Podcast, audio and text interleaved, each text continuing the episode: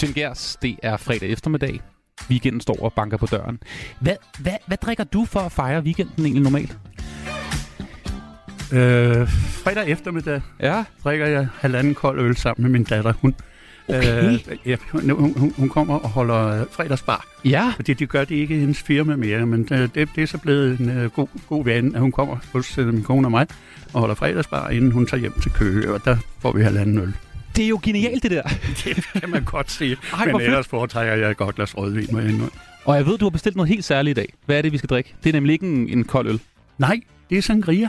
Prøv at knipse to gange, for så tror jeg, at der sker noget. Nemlig, se hvad der sker. Hvem der kommer ind ad døren her. Det er skønne Amanda med. Selvfølgelig et glas sangria, selvfølgelig. Jamen, det er jo herligt. Det er, Velkommen ind for til den fredagsmission, øh, drikker vi, når vi er færdige. Ah, Skål. Altså lige nu der er jeg bange for, at du har ringet til 10 venner, der siger de værste ting, de kan huske om mig. Hvordan har du fundet ud på det? Og kæft, du har lavet noget syg research, altså. Åh, oh, det ved du vildt nok. Har du orienteret dig godt, hva'? Nej, hvad har du researchet syg? hvad, hvad, hvad, hvad, hvad, hvad sker der? Prøv lige at tage os med. Du har virkelig researchet her. Velkommen til fredagsmission. Døren er pivåben til Radio 4's åbne fredagsbar, programmet som er blevet døbt Fredagsmissionen. Og i det her hus, der må vi godt bande, vi må også godt smugryge, og vi må også godt drikke en enkelt en, fordi vi fejrer fredagen og weekenden. Vores eneste trosbekendelse er pilsner og godt humør. I dag med et rand af gode håndplukkede mennesker bag baren. Senere der skal vi møde en af landets mest fætterede skuespillere lige nu. Han skal faktisk stå på scenen i aften, så jeg er lidt spændt på, hvordan, øh, hvordan formen er hos ham. Om han er ved at falde i søvn, eller han er ved at gøre sig klar. Du har set ham som den fregnede rødtop i Carmen Curlers på Danmarks Radio. Du skal høre historien om, hvordan en fredag ser ud som øh, skuespiller på det kongelige, og hvordan indbakken i grunden ser ud, efter man er blevet landskendt. Det er selvfølgelig Morten H. Andersen, der kigger ind lidt senere. Allerførst, så skal vi forbi en af de mere kendte stemmer i kongeriget Danmark. Han takker af efter plus minus 60 år på arbejdsmarkedet. Det, det, det er altså ret vildt. Jeg forestiller mig, at Mette Frederiksen nu må sidde og klappe i hænderne over den øh, karriere. Vi skal øh, selvfølgelig en tur tilbage dengang, hvor man som journalist der sagtens skulle drikke en lille pilsner med landets bedste fodboldspillere i omklædningsrummet, og i øvrigt også måske kunne betale for at få et interview. Ja, sådan foregik det i uh, gamle dage. Der er en hulens masse gode anekdoter og god stemning på vej i uh, din radio. Kæmpe stort velkommen indenfor til fredagsmissionen. Jeg hedder Anders Hane. Laudrup. Altså, og så fyrer han. Ej, han venter. Øh, Michael Laudrup. Det er genialt, det der. Og Michael Laudrup. Og så scorer han. Ja, Michael Laudrup. Efter forarbejde af Preben Elkjær. Direkte mod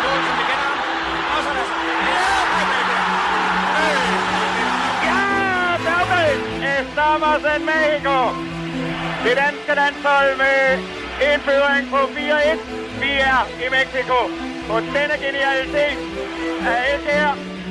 Afsluttet perfekt af Bergman. Føring 1-0. Svend Gers. Glædelig fredag og velkommen indenfor til fredagsmissionen. Tusind tak. Hvor er det dejligt at have dig her i studiet. Jamen, jeg befinder mig godt. Ja. det, det har jeg nu altid gjort i studier. Lige meget, hvor det har været. Du har brugt meget tid i dit liv på at sidde i studiet, ikke? Ja, det har jeg. Ja. Det kan man altså ikke komme udenom. Hvordan er det så, at ligesom, nu når du er gået på pension, og så komme tilbage i studierne? Hvordan, du er travlt jo. Som jeg siger, det er da herligt. Og så må man ovenikøbet både drikke og ryge. Det, det, det har jeg nu aldrig gjort i de studier, jeg har været i. Nej, men øh, måske nogle af dine kollegaer. Who knows? øh, Svend Gers, øh, hvordan er fredagsstemningen? Er den øh, sådan her? Estamos en Mexico. Eller er den mere sådan her? Åh, oh, Elkjærs vidunderlige sparketeknik. Svigtede. Og Du har da også det hele med. Nej, men den er da helt klart øh, i, i, i, nummer et-klassen. Altså det, jeg elsker weekender. Øh, ikke fordi, som pensionist er, er, er weekenderne jo ikke så forfærdeligt meget anderledes end hverdagene, bortset fra, at der er en djævelens maskot øh, fodbold i tv. Uh. og du har ikke fået nok, selvom du har Nej. brugt øh, 60 jeg aldrig. år af dit liv, måske endda mere, måske Det alle får jeg år. aldrig. Jeg er bare blevet mere selektiv. Altså nu, nu, nu vælger jeg fra mere, end jeg vælger til, vil jeg sige. Okay, ah, men, øh, jeg glæder mig til at høre om nogle af de, de største stadionoplevelser, som du, jeg ved, du har taget med. Du har jo kommenteret over 1000 fodboldkampe siden 1963, hvor du sådan startede rent professionelt på, på Ekstrabladet, og siden selvfølgelig kom på DR Sporten, hvor mange kender dig fra Tipslørdag, Sportslørdag, og Mm. som stemme til Dynamitlandsholdet. Ja. Det er dig. Øhm, ni slutrunder har jeg også fået talt det Øh, sammen til. Kan det passe? Pas så meget godt. Ja. Ja. Vildt nok. Men nu er det altså endelig slut. Du har, du har sluttet et par gange, kastet ligesom øh, kommentator. Altså, det er 18 år siden, Anders, jeg gik på pension på TV3. Men øh, der, der skete så det, at øh, meget kort efter, så blev Peter Schmeichel, han, han blev studievært på Champions League, Mm. og spurgte, om ikke jeg kunne lokkes til at, at, at, at have min egen kamp øh, øh, i sammendrag. Var det Peter Smeichel, der spurgte om det? Ja, det var det faktisk. Blæret. Ja, ja det var det sgu. Ja.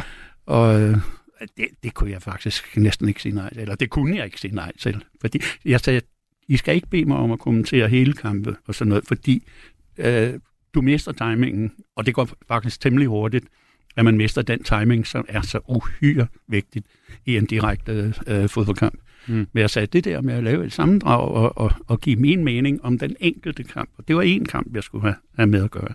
Det, det fristede mig, ja. og, og det har jeg så gjort i 18 år. Hvad sagde din kone til det egentlig? Altså sådan, nu, nu, går jeg på pension, ah, endelig er du hjemme, og ligesom kan være der om weekenden og den slags, og så skal du alligevel lige være ja. på Viasat. Nej, men hun øh, er, er meget forstående. Og, må hun og, være. og ja, men det er hun. Og, og, og hun, hun sagde, at du skal, du skal følge øh, din egen øh, øh, øh, overbevisning. Er det noget, du vil? Er det noget, du gider? Er det noget, du kan? Så gør det dog. Mm. Og nu Det- er det så slut til gengæld. Det er det så nu, ja. Ja. Fordi det, det, øh, og så det har også noget at gøre med, at, øh, at jeg vil helst bestemme selv, hvornår jeg skal stoppe med, med, med de forskellige ting. Og øh, jeg kan godt se, nu er jeg 83 år, jeg kan godt se om et år eller to, der, der bliver det svært. Mm. Fordi det er, det, er, det, er, det er slet ikke så nemt, som det lyder øh, og gå ind og lave fem minutter sammendrag, fordi det skal afleveres øh, omkring 20 minutter efter, at kampen er færdig. Så det skal laves undervejs og spikkes øh, øh, lynhurtigt efter, at kampen er færdig. Og, og sådan noget. Så, så på et eller andet tidspunkt tænkte jeg, der bliver det nok en belastning. Og inden det bliver en belastning, så er jeg ude af døren. Derfor. Har du egentlig en idé om, hvor mange øhm, dage, måneder, år af dine 83 år her på jorden, du har brugt på at øh, beskæftige dig med fodbold? Det må have været, ma- altså, det må have været mange jo. Jamen, øh, det går jo helt tilbage, tilbage til min barndom. Der var, der var det jo så som hobby selvfølgelig, ikke? men, men øh, det, det går helt tilbage dertil, at, øh, at jeg som knægt øh, sad og lyttede til landskampe i radioen med Gunnar Nuhansen, og, og øh, det, det, der sad vi, familien, altså ligesom familien senere kom til at sidde og se sportslørdag i tv, sådan sad vi derhjemme omkring radioapparatet, som det og lyttede til Gunnar Nu Hansen, og, og, og og der, der øh, siger min mor i hvert fald, at øh, allerede dengang sagde jeg, at det ville jeg engang helt at lave. Ja. Det må, det må alligevel blive til et par år, så er dit liv, du har brugt på at sidde på et fodboldstadion måske, og, eller sidde i Det er studiet. hele mit liv, Ja. faktisk. Hvorfor tror du, fodbold er så fascinerende for dig? Fordi fodbold for mig kan også godt øh, nogle gange være lidt ligesom en sygdom. Altså, du bliver smittet, og så er det svært, svært at blive kureret fra det, fordi Mm. det ligesom sidder, ligger i dit blod, ikke? Jamen, Øhm, jeg bliver ikke kureret. Jeg, jeg tror ikke, jeg bliver kureret nogensinde, fordi det ligger i blodet. Og, og, og sådan er det. Og, og, og, altså, jeg, jeg plejer at sige, de gode kampe, øh, der ved jeg bagefter ikke, hvad jeg har sagt. Og der må jeg høre kampen igen, øh, for, for at finde ud af, hvad jeg egentlig sagde. Fordi jeg har siddet og spillet den kamp nede under bordet, og, og, øh, og det er jo selvfølgelig, fordi jeg voksede op med fodbold. Jeg har spillet selv som øh, både knægt og, og, og ung mand, og, og, og, og stoppede faktisk først øh, på fornuftigt plan i, i 63, da jeg blev journalist på Ekstrabladet. Det passede dårligt mm. med at være sportsjournalist øh, øh, og så spille divisionsfodbold, som jeg gerne ville, men øh, det passede rigtig skidt. Så. Ja, der er noget med nogle deadlines og weekendarbejde, som ikke rigtig Jamen, harmonerer er- med. det, det, det, det, er en dårlig konstellation, det er det. Og så må du vælge. Men der er altså også meget i, øh, i Danmark og samfundet, der har ændret sig, forestiller jeg mig, fra da du trådte ind på Ekstrabladets redaktion i 1963, ja. Til du nu træder ud af Viasat her i, i 2023. Det er, det er da ikke kun samfundet, der har ændret sig. Jeg synes, alt har ændret sig Ja. på, på de mange år. Det er, det, er, det er da helt sikkert. Hvad, hvad, hvad er den største forskel? Er det egentlig ølene på bordet, øh, som er væk nu igen her i 2023, og smøgerne? Hvad, hvad, hvad tror du, der er det, hvis du ligesom kunne, kunne tage en tidskapsel fra 63 og komme til nu frem? Hvad vil du blive mest overrasket over har ændret sig? Du stiller nogle forbandede spørgsmål. Altså. Ja. Nej, jamen, øh, det der med øllerne på bordet, det, det har nu aldrig været mig. Øh, jo, øh, i tredje halvleg, Hmm. men aldrig i en arbejdssituation. Det, det, det var bandlyst. øh. Skål. Ja, men nu sidder vi her med sangria, ikke? og det er noget farligt noget jo. Ja. Men øh,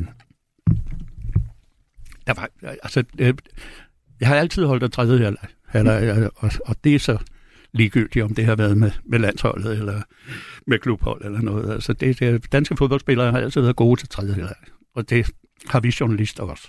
Der ligger nogle altså, guddommelige, vidunderlige klip på YouTube. Jeg, var jo ikke, jeg, jeg, jeg levede jo ikke dengang. Det er sådan noget, jeg, jeg tænker over næsten dagligt, at jeg vil gerne bare have været i live dengang til grundlovsdag i 85. Jeg vil gerne have set EM i 84 og 86.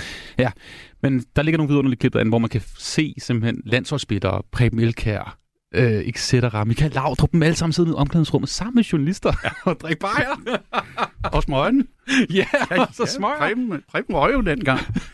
Og jeg, jeg, jeg husker efter uh, Uruguay-kampen i, i, i 86, der, der var vi lidt presset, Danmarks Radio, på, på deadline. Det var, det var noget med, at du havde en satellit til, til uh, studiesnak bagefter, og vi, vi lå temmelig meget fremme i, i, i køen. Så øh, det var altså noget med lynhurtigt at få skaffet en eller anden, som jeg kunne sidde og snakke med, i stedet for at jeg skulle sidde og snakke til kamera i, i kvarter, eller 10 minutter i kvarter. Og der var vores holdleder dengang, øh, Erik Bert, skulle ned og prøve at finde et, et interviewemne, og så stak jeg ham min øh, pakke prins. Ja. Og sagde, øh, prøv at få øjenkontakt med Preben. så, så er der håb.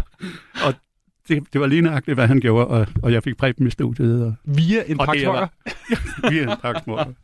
Og det var Prebens bedste landskamp nogensinde. Han var- scorede tre mål og lavede op til to, og, og det, var, det var en goddommelig øh, landskamp, den der. Den kan vi tale om senere. måske. Ja, den og mange øh, andre kampe skal vi snakke om. Det er en fornøjelse, du er her, Svend Gers. Velkommen indenfor. Du lytter til fredagsmissionen på Radio 4. Det er Svend Gers, der er på besøg, og øh, for et par uger siden, der meldte du altså ud, at du nu endelig går på, øh, på pension. Du var seniormedarbejder før, nu er du, altså, nu er det pension.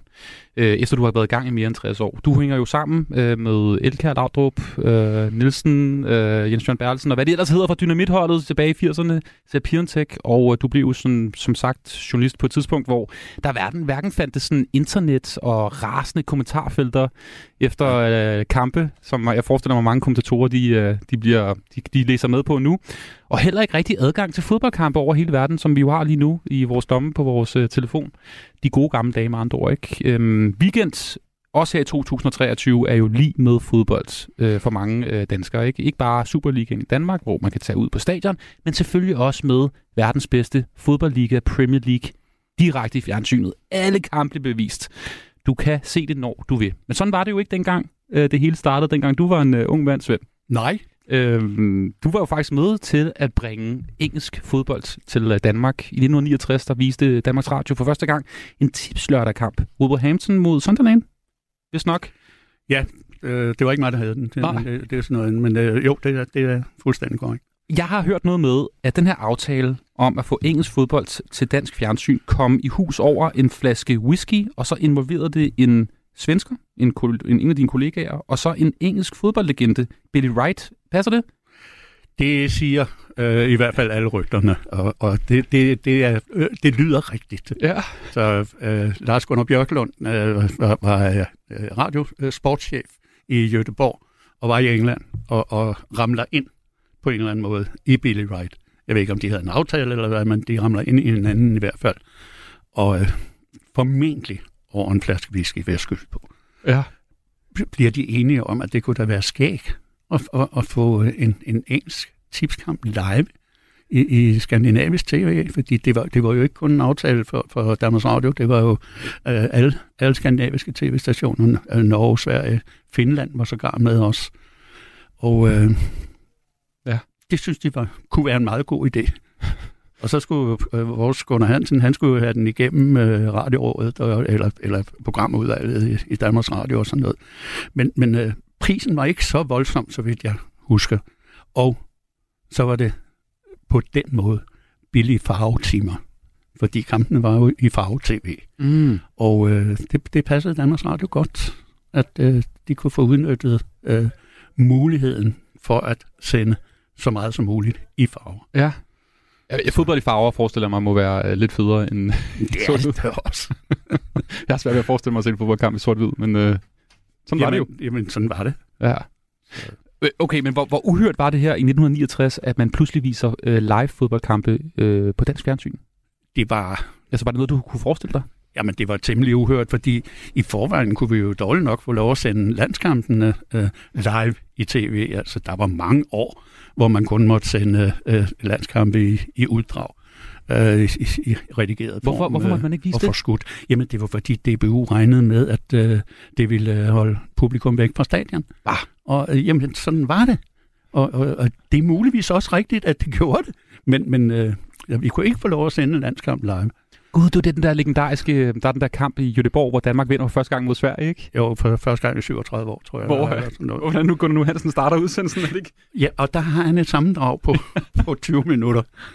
Og, og så, så, øh, jeg, altså, jeg lavede kampen på, i radio sammen med Niels Christiansen, og i radio måtte vi godt lave den live. Det var, det var helt fint. Så, øh, og da vi så møder Gunnar bagefter, så, så siger han, ja, ja, ja, jeg, jeg sagde sgu resultatet med det samme, fordi det er så fantastisk. Og, og det var det for Gunnar. Det var 37 år siden, det var sket. Så for ham var det fantastisk. Og så siger jeg på Niels, jeg til ham, Gunnar, det gjorde du da ikke. Det var stik imod alt, hvad han havde prædiket for os andre. Så var- der var også øh, der var jo telefonstorm på Danmarks Radio. Ikke? Og det forestiller mig også, at være. Han er simpelthen, okay, ja, på mange måder en helt anden tid. Øhm, okay, lad, hvis vi vender tilbage til de engelske kampe, så får Danmark så, øh, Danmarks Radio så rettighederne. Det er kampe fra Midlands, altså ja. et område i Ja, England. fordi ka- øh, aftalen var lavet med det, der hed ATV, Mm. som var ITV's, eller ITC, som de hed, det kommercielle øh, TV. Deres TV2. Det var deres øh, del i, i øh, Midland-området. Aha. De hed ATV. Og det var der, Billy Wright var chef. Og der, den aftale var lavet. Og, og, og for sådan at prøve at forstå, hvor, hvor, hvor meget anderledes det var til fodbold i gamle dage, så, så kunne I ikke annoncere på forhånd til øh, seerne, til øh, lytterne, eller hvad der nu var af folk, der modtog, øh, som var fodboldinteresserede, så kunne I ikke fortælle, hvilke kampe I viste? Nej, men det var jo, det var jo reklamefolkene, der, der, der forhindrede det. Altså, det blev jo lynhurtigt til en, en, øh, en, en fed mulighed for reklamefirmaerne Det skal- det skal- at, at sælge bandereklamer. Okay, så, okay, så der, der sidder nogle reklamefolk i Danmark, Ja. som spekulerer i at købe bandereklamer på engelske fodboldstadions. Ja. Bandereklamer på dansk. Og de engelske klubber var, var, var jo absolut ikke kede af det. De ville jo meget gerne sælge de der bandereklamer, for de var sådan set ligegyldige. De skulle kun være på den ene side, nemlig den side, hvor, hvor kameraen vendte over imod. Mm. Så for dem gjorde det ikke så meget. Øh, men, men det var en fed indtægt for dem. Og det vil DR så ikke have, fordi det der med Nej. at have reklamer, det går Nej, for ikke. det var reklamer. Det, Okay. det, der var ufa. Men som fodboldinteresseret, som seer, så er det da mærkeligt at tænde fjernsynet, uden at vide, hvilken fodboldkamp der kommer. Er det ikke det? Det Det virker... ved, jeg, det ved jeg ikke, om det var, men, men øh, det, det, det var jo under alle omstændigheder en kamp fra den danske tipskupon, ikke? Og, og, og det, var, det var jo det, der betød noget.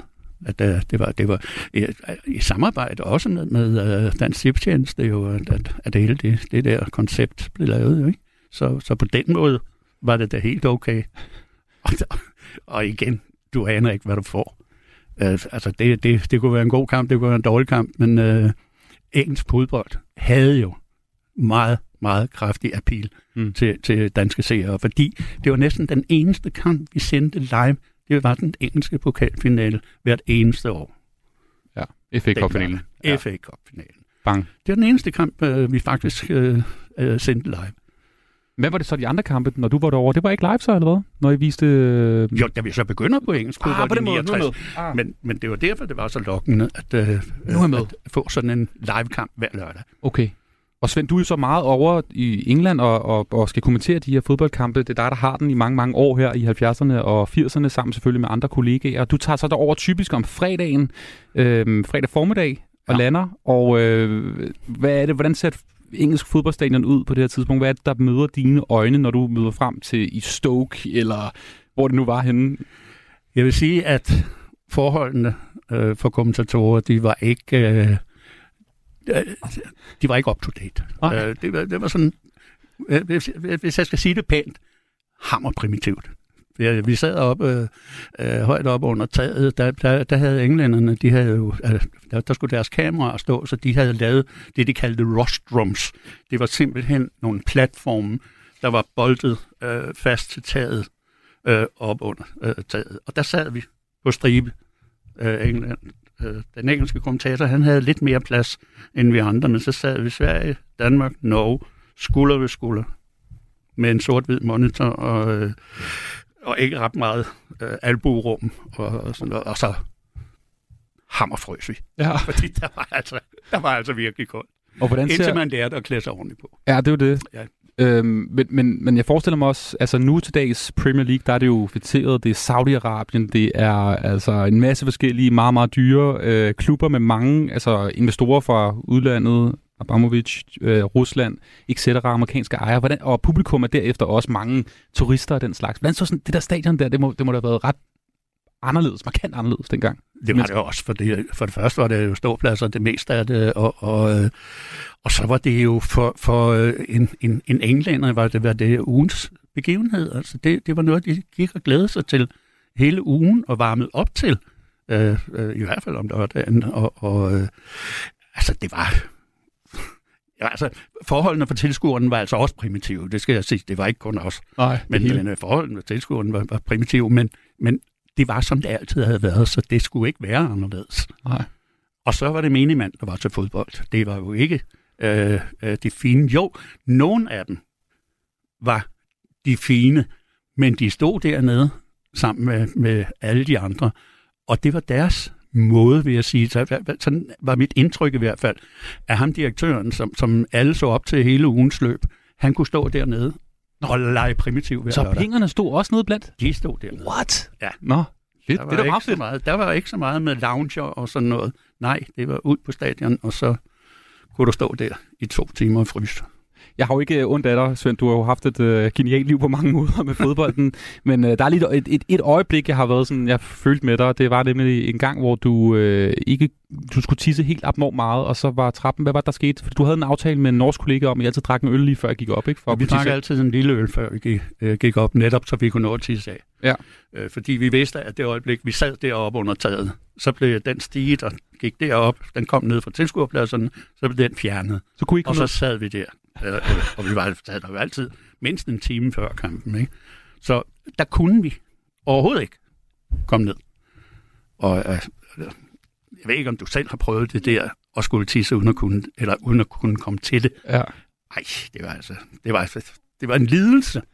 Det var, altså. Og siden rejste jeg altid rundt med, med et øh, tomt øh, hylster til tennisbolde med plastiklåg. Jeg fik aldrig brug for det, men jeg havde det altid med. Du lytter til fredagsmissionen på Radio 4. Godt tip. Hvis du ikke kan komme øh, på toilet, så kan du altid tage et øh, tomt tennishylster øh, med tennisboldhylster. Hey, vi skal høre noget musik, Svend Gers, fordi du har taget nogle, øh, nogle sange med. Og øh, Ja, det har du bedt mig om. det har jeg nemlig. Ja. Og det første nummer, vi skal høre, det er en sang, der minder dig om at være teenager. Og det er jo et par årtier siden, Svend. Ja. Det må man sige. Vi skal ja. tilbage til, hvornår er vi? Det er i 40'erne? Vi er i 50'erne. 50'erne. 50'erne. Et øh, nummer her med den britiske Elvis, ikke? I've got a of songs to sing you. Can't stop my voice when it longs to sing you. New songs and blues songs and songs to bring you happiness. Svend Gers, hvad tænker du, når du hører på Tommy Steele? Nostalgi. mand. Ja. Nostalgi. altså, det var, jo- ja, det var mit øh, ung- ungdoms idol. Altså, jeg, jeg tror nok, øh, fordi jeg var sådan lidt i tvivl, når du beder om øh, øh, min, min, øh, en sang fra, fra, fra min teenage- teenage-tid. Mm. For jeg var altså lidt vild med Rock Around the Clock og Bill Haley. Uh. Øh, men- altså, øh, Thomas Steele, han ramte noget andet hos mig. Det var ikke, det var ikke så, så rocket. Det, han, han kunne både rocke og rulle og, og synge. Og for, og for den sådan lidt yngre generation, øh, som jeg er en del af, af Tommy Steele, hvor stor var han på det her tidspunkt? Han var kæmpestor. Ja, Han var kæmpestor, fordi han, han kan jeg sige, repræsenterede Europa i en tid, hvor rock and roll bullerede frem i, i USA. Ikke? Og og han, øh, han formåede øh, både det ene og det andet. Og, og, nej, han, var, han var stor. Still Going Strong, 86 år. Ja, det, øh, jamen han øh, gik jo teatervejen senere hen. Øh, optrådte i, i musicals og, og, og fik et meget stort teaternavn også. Og jeg tror i øvrigt, han er sør i dag. Sir Det vil jeg Thomas Steele. håbe, han er. Ja, må det ikke. Ja, om det tror jeg også. For Thomas Steele, så skal vi, vi bliver faktisk i, i England, som jo på mange måder har betydet meget for dig. Vi skal høre et, et nummer, som du øh, bliver rørt af. Det er et nummer, som jeg har spurgt dig efter.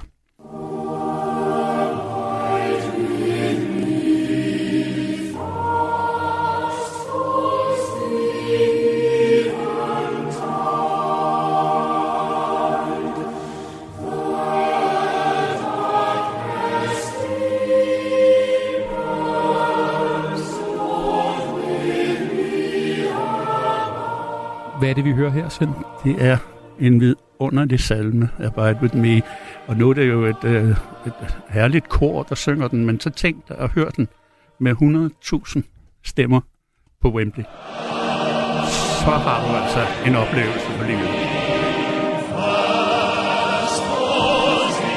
Hvad er det med den her sang og engelsk fodbolds?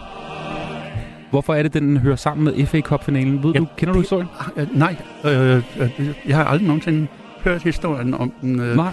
Øh, og på et tidspunkt, øh, da jeg begyndte at lave øh, pokalfinaler øh, for Wembley, der havde jeg faktisk en idé om, at øh, jeg ville oversætte den.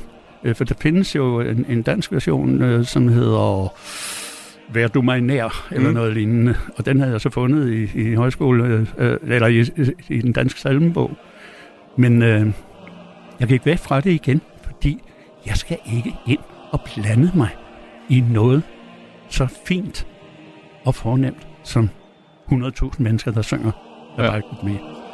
Så må folk gå ind og læse salmebogen bagefter. Jeg, jeg tror nok, jeg fik sagt, hvad nummer den havde i salmebogen, hvis nogen øh, var interesseret i at, at se den danske version. Det er jo et sjovt nummer at vælge til fodbold på en eller anden mærkelig måde. Altså, ja, det, det, Jeg, jeg kan heller ikke historien Nej, om nej. det. Det havde jeg håbet på, du havde researchet dig frem til. Som jeg forstår det, så er det noget med, at der var et band, der i forbindelse med en FA Cup-finale i 20'erne, altså et orkester selvfølgelig på det her tidspunkt, der skulle spille. Og så øh, var der et ophold, før kampen startede. Og så var det sådan spontant, at de sang og spillede den her. Som vidt jeg har forstået det. Og det er tilbage i 20'erne, og det er noget med, at den også hører sammen med rugby. Så der er også en, øh, der er både fodbold og rugby, hvor den bliver spillet til. Jamen, det kunne jeg godt forestille mig. Ja, men de kan noget med musik og fodbold i Jo, England. men du skal tænke på øh, øh, den engelske pokalfinale, som, som, som jeg oplevede den i, i min barndom og ungdom øh, øh, på direkte tv i, i Danmarks Radio. Øh, det var jo ikke bare finalen. Det var, det var jo hele det show, der gik foran med et kæmpe tattoo, med, med øh, øh, med et vidunderligt tattoo af, øh, af, af forskellige engelske regimenter. Det var en stor Ah. ah. ære øh, for et regiment at få lov at, at, at være med forud for den engelske pokalfinale. Og så afsluttende med Abide With Me. Hvor alle Så kan man begynde at tænke på fodbold.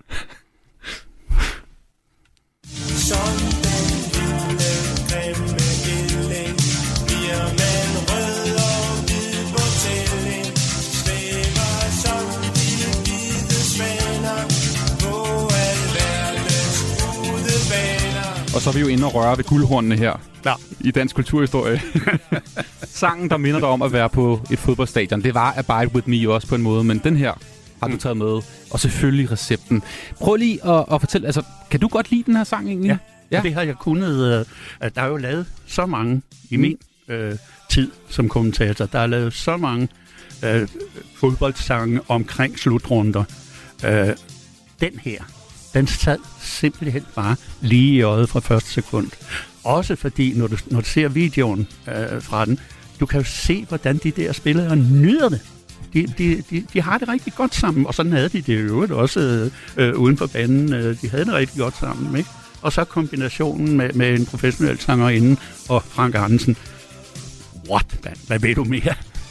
Og så i en melodi i øvrigt. Og i, i parken til landskampene bliver den jo stadig spillet, både lige før kampstart, hvor hele parken står op og synger med, og så ved målene. Hvad, hvad, hvad tænker du om, at den bliver scoret ved, altså når der bliver scoret i parken, så kommer den på. Hvad, hvad tænker du om det? Det er en beslutning, der er truffet. Jeg har, jeg har ikke truffet den beslutning, men, men øh, det er mit indtryk, at øh, publikum gerne vil synge den. Før i tiden var det sejlet op ad åen. De altid sang til landskampe. I dag er det recepten. Og øh, jeg tror, de står og venter på en mulighed for at komme til at synge den.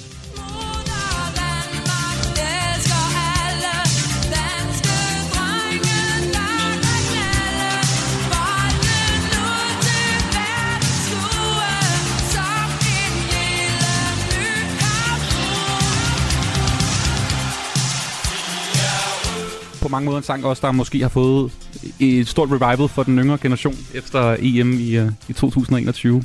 Hey, øh, uh, Svend Gers fra Recepten og de gode minder fra VM i Mexico i 1986, hvor den her sang jo uh, stammer fra, så skal vi til enten eller. Svend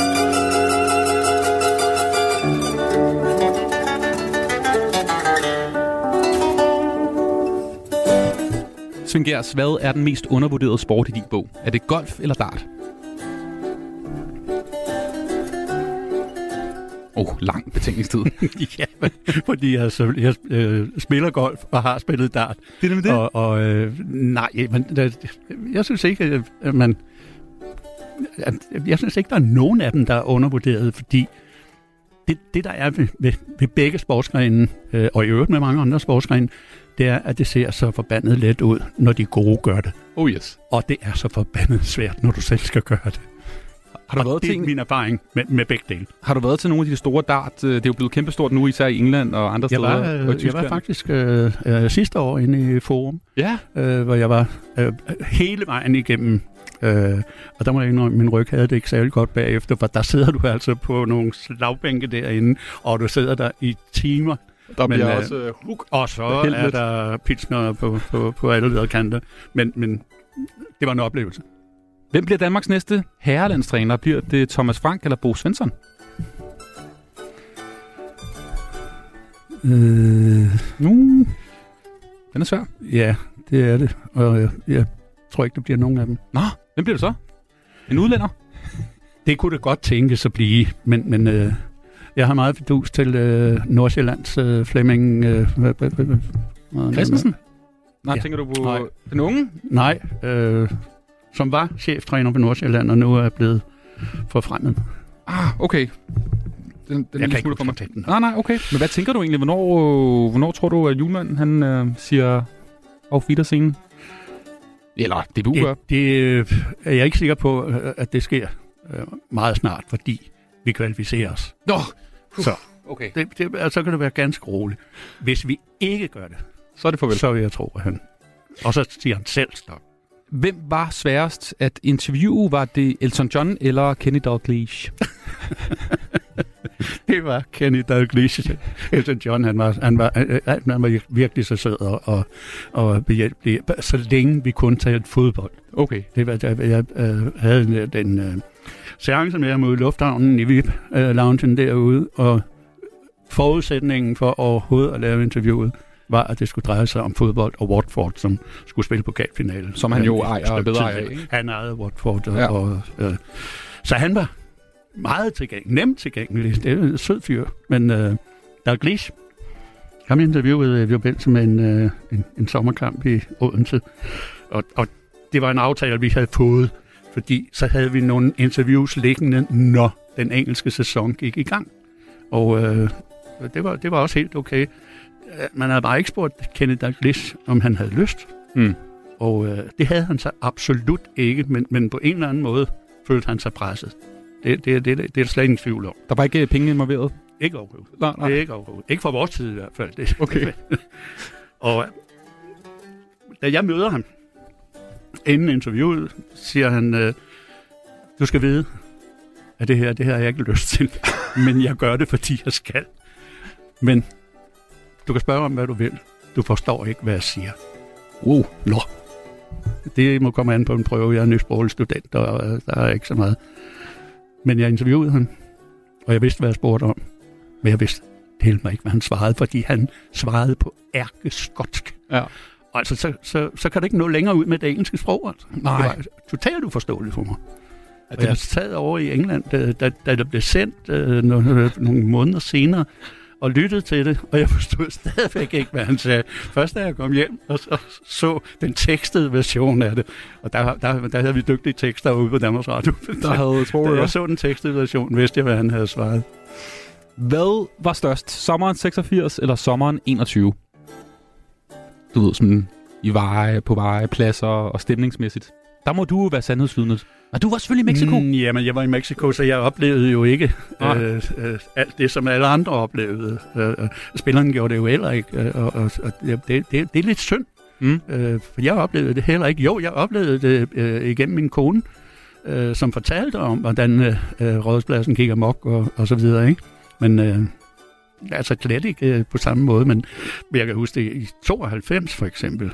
Der ville jeg have været ind på Rådhuspladsen, hvis jeg og så den finale med, med en, en flok gode venner øh, ude i Ishøj.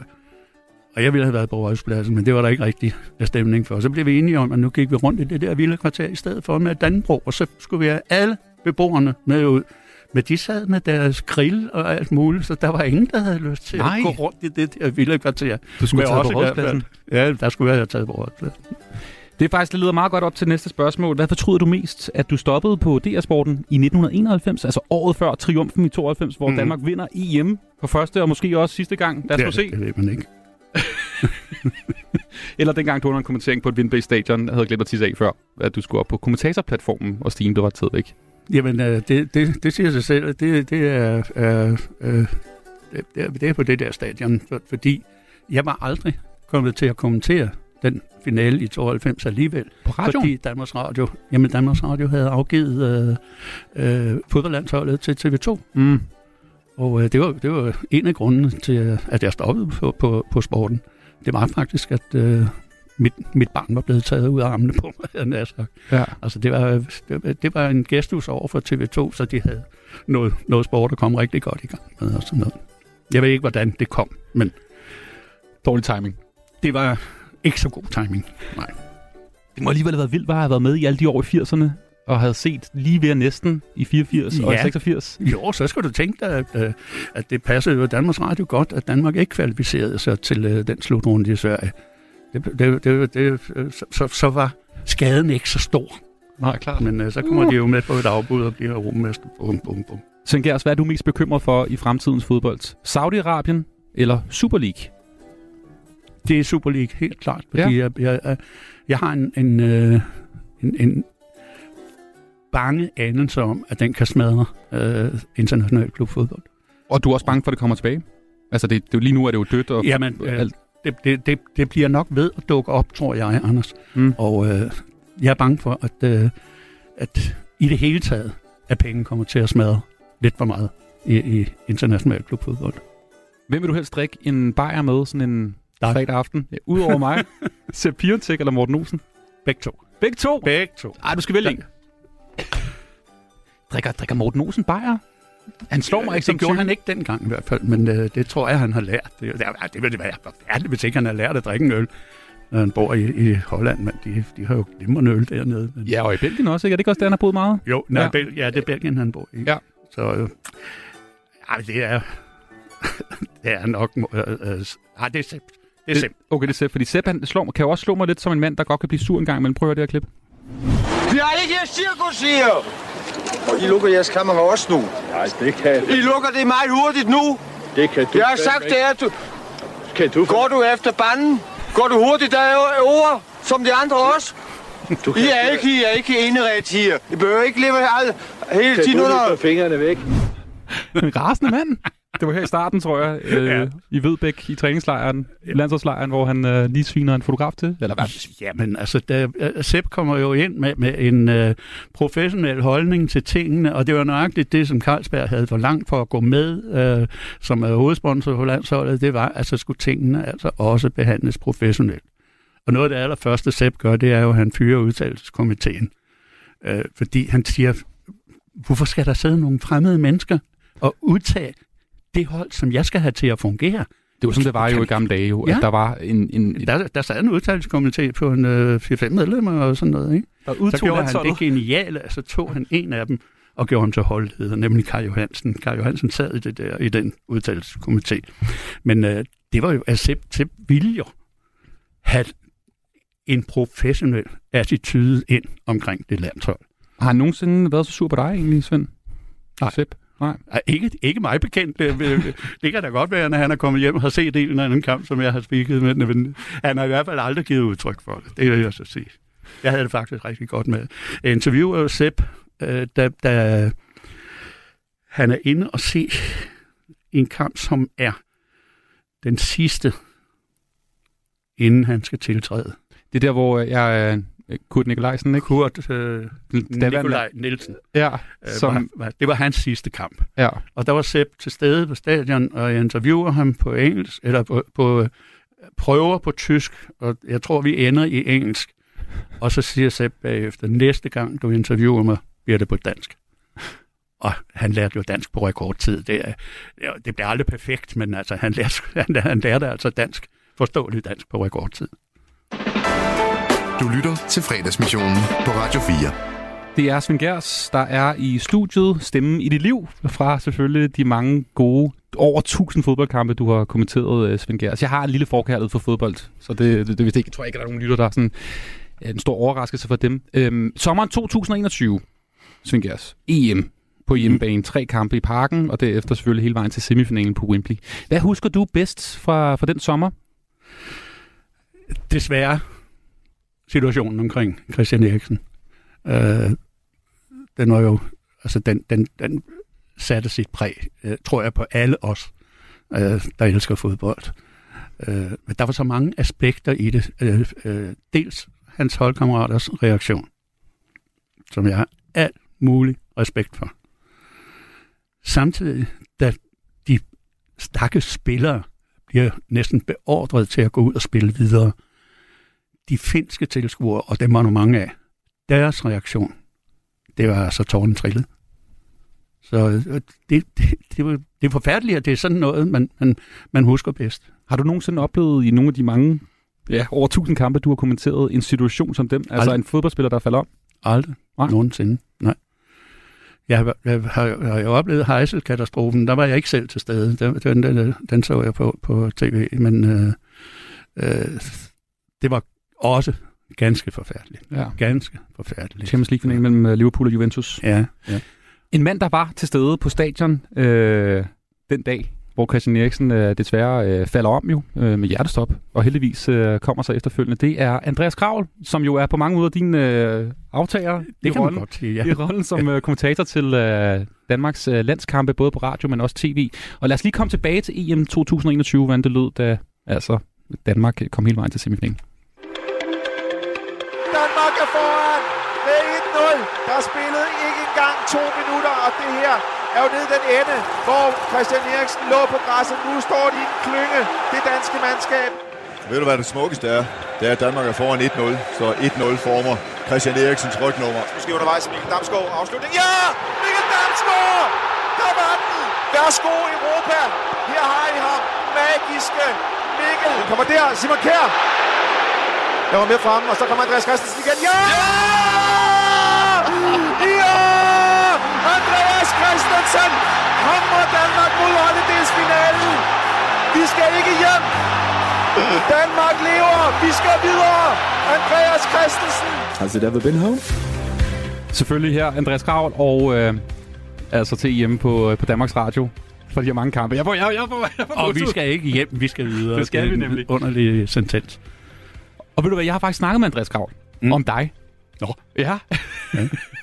Fordi Andreas Kravl, han er udover at være kommentator øh, på øh, DR-sporten og til øh, Superliga-fodbold og landsholdsfodbold, så er han faktisk også aktuel med sin bog 100 ikoniske stadions. Øh, og i den forbindelse vil jeg jo selvfølgelig også lige høre om øh, Kravls forhold til, øh, til dig. Så lad os lige høre, hvad han sagde lidt tidligere i dag, da jeg snakkede med ham. Hej Andreas Kravl. Hej. Når jeg, når jeg siger Svend Gers, hvad, hvad, hvad siger du så egentlig? Så tror jeg mere faktisk, at jeg ligesom øh, lukker øjnene, end egentlig siger noget. Og så, øh, så vil jeg næsten øh, ind i mit hoved lade Svend øh, sige noget. Fordi det er, øh, det er lydsporet til øh, nogle af de bedste minder fra min barndom og min ungdom. Og noget af det, der, øh, der ligesom har, har sat sig inde på min indre nethinde. Øh, så, så i virkeligheden, så skal jeg nok ikke sige så meget. Øh, men, øh, men så vil jeg bare lade det der bånd køre i, øh, i baggrunden. Svend har selv øh, fortalt, at da han var, var 6 år, der hørte han øh, Gunnar Nu Hansen i radioen og sagde, jeg vil være Gunnar Nu Hansen, jeg vil have hans job, jeg vil lave det, han laver. Har du egentlig i grund nogensinde hørt ham i fjerneren eller i radioen og tænkt, det der, det vil være fedt at lave? Ja, på et tidspunkt, men, men faktisk først lidt sent, øh, og, og jeg, han må være lidt mere opvokset som dreng, end jeg var, fordi jeg, jeg vidste slet ikke, at man kunne, altså, det kunne være et rigtigt arbejde. Altså, det er jeg faktisk lidt i tvivl om stadigvæk, om det er, men, men jeg, jeg dyrkede det meget rituelt, så, så, så uden at have, have en bevidsthed omkring det, så, øh, så har jeg nok øh, allerede dengang ligesom også sådan øh, gået hen imod det, fordi jeg havde en meget sådan fast ritual, for eksempel når der var tipslørderkampe, eller når der blev sendt en Europacup-kamp i, i fjernsynet, så ville jeg nemlig have, have ro, jeg ville have stillhed, øh, sådan så jeg kunne høre kom, kommenteringen, jeg kunne høre det hele. Øh, nogle gange så, om, om lørdagen, når der var tipslørdag, så fik jeg lørdagsklik, det hed det dengang, og så kunne jeg sådan ligesom allerede på forhånd have legnet op, og så vidste jeg, at så skulle jeg bare have ro i den stue, hvor fjernsynet stod, og så kunne jeg sådan virkelig fordybe mig i, i kommenteringen og i at have lidt slik, og, og så var jeg, i, så var jeg sådan ligesom i, på mit, et helt fantastisk sted at være bare helt alene. Det er genialt det der. Det er jo helligbrød. Det er jo, forestiller mig, at man ikke må sige som kommentator nogensinde i til landskamp. Men jeg ved jo faktisk, eller det har jeg i hvert fald et indtryk af, at til EM, der, øh, der er der en episode, hvor du kommenterer, hvor du måske er blevet inspireret af legenden himself, himself øh, Svend Gers, nemlig ved Mikkel Damsgaards mål, ikke? Mod uh, Rusland. Pres måske undervejs. Mikkel Damsgaard afslutning. Ja! Mikkel Damsgaard! Der var den! Værsgo Europa! Her har I ham. Magiske Mikkel Damsgaard. Jo, altså øh, jeg, jeg, jeg kan faktisk ikke, øh, jeg kan ikke huske øh, præcise ord, men det som jeg tror, du hensyder til, er, at jeg jo på en eller anden måde siger presenting øh, Mikkel Damsgaard. Øh, og det er en direkte reference til, øh, til Svends øh, presenting Jesper Olsen.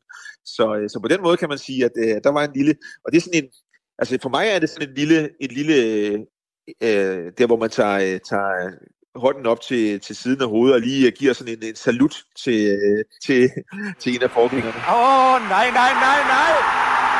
Kun sådan noget genialt kan overliste Peter Silsen åbenbart. Ja, jeg er målløs, men øh, på et eller andet tidspunkt må jeg præsentere Danmarks nye storspiller. Når han kommer ud herfra, der har de ham, Jesper Olsen. Presenting Jesper Olsen. Kravl, du har jo lavet en øh, bog, du er helt aktuelt med en bog om de 100 mest ikoniske stadions rundt omkring på, på jorden. Øhm, når jeg besøger fodboldstadions, så har jeg det med, at jeg hører ligesom øh, kommentatorlyd fra tv'et og fra radioen, når jeg har set øh, kampe på lige præcis det stadion. Når du har øh, besøgt de her stadion, som du skriver om, er du lidt i den samme gryde som mig, det her med, at du, du hører ligesom fodboldkampe, du oplevede på de her stadions? Ja, altså det er jo øh, altså det er sådan en miskmask af, af mange forskellige øh, indtryk, som der samler sig. Altså det er både noget omkring det der med, med de kampe, der er spillet, og, og dermed også den øh, kommentatorlyd, hvis der er nogle specielle øjeblikke, som har, har sat sig. Altså sådan har jeg det jo også med, med parken, eller som det hed i gamle Københavns Idrætspark. Altså der er jo også nogle af de, de store kampe, og, og der havde øh, Svend jo også en fantastisk kamp i, i, i 1985, da Danmark slog Sovjetunionen med 4-2. Og der er jo også mange ikoniske øh, citater, som jeg, som jeg stadigvæk sådan kan uden ad, ikke? Altså hvor at Lerby går mere tvinger russerne til at koncentrere sig, og, så, og, og det, øh, og det, så, så, så, så ja, de sidder der øh, rundt omkring. Og lige her til sidste, øh, Kravl, altså manden går jo på sådan endelig pension nu her som 83-årig. Det må da være sådan lidt lovende for dig, tænker jeg. Altså, du har da mange årtier igen. Ja, det er da fantastisk, hvis, øh, hvis det kan være sådan. Jeg, jeg er jo stærkt imponeret, fordi altså, det er et krævende arbejde i forhold til at, øh, at holde styr på, på spillere og klubber og udviklingen. Og, og, altså, fordi hvis ikke man følger med, øh, så, øh, så går det hurtigt galt. Og, og det synes jeg egentlig er det mest imponerende. Altså, at, øh, at Svend kunne gøre det i alle de år, og stadigvæk øh, holde fast i at, at have sin Champions League aften. Så øh, altså, jeg vil sige sådan, hvis jeg på, som 83-årig stadig kan det, så er jeg godt i vej. Tak for, øh, for de mange gode oplevelser, og tak for netop de gange, hvor vi er, øh, vores veje har krydset, at, øh, at modtage mig med, øh, med åbne arme. Det sætter jeg stor pris på. Svend Gers, det var Andreas Kravl fra Danmarks Radio. Jeg kan kun sige selv tak, fordi det er, det, det, det, det er jo en fornøjelse at høre. Øh, når jeg, og, og det, som han kan, det er, at han kan både speake radio og tv. Og de to meget forskellige discipliner. Der var nogen hos os, der aldrig lærte at kombinere eller adskille de to ting. Øh, Gunnar Nuhansen, han var decideret radiomand, mm. og han elskede radio. Han blev aldrig rigtig fortrolig med tv. Hvor pausen er en dyd. Hvor øh, pausen øh, bestemt ikke er i vejen i hvert fald. Det var altså som sagt Andreas Kravl, fra, øh, som, som du kender fra selvfølgelig fra, fra Liga på B4, hvor han kommenterer Superliga-fodbold, og ikke mindst også for, for landsholdet, som han dækker både på tv og øh, radio, som har, jeg, jeg fornemmer, at øh, du er en stor stjerne i hans bog. Ja, altså ja, han er en stor stjerne i min bevidsthed. Ja. Lad os se det på den måde. Vi har desværre ikke sådan super meget tid tilbage, Gunnar. Øh, undskyld, Gunnar. Åh, Svend Gers. det, det var fordi, jeg skulle til at spørge Tak, om Gunnar Hansen. Men du har taget tre kampe med, som på en eller anden måde står øh, stærkt for dig, øh, som du måske vil tænke tilbage på øh, de næste år, når du ser tilbage på din øh, flotte, flotte karriere. Øh, og øh, tænker vi lige sådan hurtigt kan gå dem igennem, fordi øh, du har valgt tre kampe, som har været din største stadionoplevelse. Øh, på sådan en, en tredjeplads måske. Det er din sidste kamp, da du kommenterer Superligaen. Ja. Øh, det var kampen mellem øh, Brøndby og, og øh, Nordsjælland øh, en, øh, midt i juni måned 2005. Det var min absolut sidste Superliga-kamp. Øh, grunden til, at jeg husker den så godt, ja, der er mange grunde selvfølgelig, at den sidste kamp og sådan noget, men der, der, jeg havde brugt meget tid på at forberede en afsked med Morten Vihorst. Det var hans sidste kamp, og det havde jeg altså virkelig brugt meget tid på, og, og han fik også en meget, meget smuk øh, sorti øh, blandt publikum. Så havde jeg Preben Elkær som medkommentator, og han begynder at sparke mig over benet. Jeg tænkte, "Nå, hvad i alverden? du kan jo ikke sidde og kommunikere på åben mikrofon med, med manden og sådan noget. Ikke? Men så peger han bagud, og så står Mogens Krog lige bagved mig, fra, fra så han sad i Brøndbys ledelse dengang, med en stor kasse vin, og, øh, og så har det åbenbart lyttet i højtaleren, hvad jeg ikke kan høre, at der er også en anden en, der tager afsked i dag. Og altså, det var, det var og så begynder hele øh, øh, øh, sydsiden at synge. Øh, ja, der var, der var jeg færdig. Der var jeg færdig. Og de ville have en Fenerbahce, og, og jeg, jeg siger til Måns Krog, hvad, hvad er en Fenerbahce? Ja, det, det, det ved du sgu da godt, siger han. Ikke? Og det er den der ja. med at løfte armene og sådan videre. Gjorde du så det? Ja. Kom du ned på plænen? Og... Nej, nej. Jeg Nå. gjorde det op fra kommentatorpositionen. ikke? og Ej, så begynder de at synge bagefter. Ah, der var- den, den, den kamp glemmer man aldrig. Og så var du jo med. Du var øh, nationens øh, stemme og øje på måske en af de, øh, de største danske fodboldlandskampe nogensinde. Selvfølgelig i 86 mod øh, Uruguay, som øh, lød sådan her. Til Laudrup. Og så skyder han. Ej, han venter. Øh, Michael Laudrup. Det er genialt, det der. Der er jo mange kampe, du kunne vælge imellem fra, fra 80'er-landsholdet. Men lige præcis den her har du på en øh, anden plads. Hvordan kan det være? Det er fordi, det er den flotteste danske fodboldopvisning, jeg har set. Der var alle aspekter i spillet, som fungerede hele vejen igennem. Og, og øh, det var simpelthen, der var det Preben absolut bedste landskamp. Han scorer tre mål og lægger op til to. Og, og, altså, det var, det, det var bare en flot, flot fodboldopvisning. Og jeg kan sige dig, at bagefter, der kommer øh, kommentator, kommentatorkolleger fra hele verden og siger til mig, at der er ingen retfærdighed til, hvis Danmark ikke kommer i finalen. Det er verdens bedste fodboldhold i øjeblikket. Og det viste den kamp altså også. For det var Uruguay, var altså ikke nogen nem modstander. Okay, de får en mand udvist efter 20 minutter eller sådan noget, ikke? Men øh, de, var, de var absolut ikke nemme at have med at gøre. Sydamerikanske mestre, så de var ikke, Ja, øh, ja, ja, det ja, var ikke et ja, ja. Nej.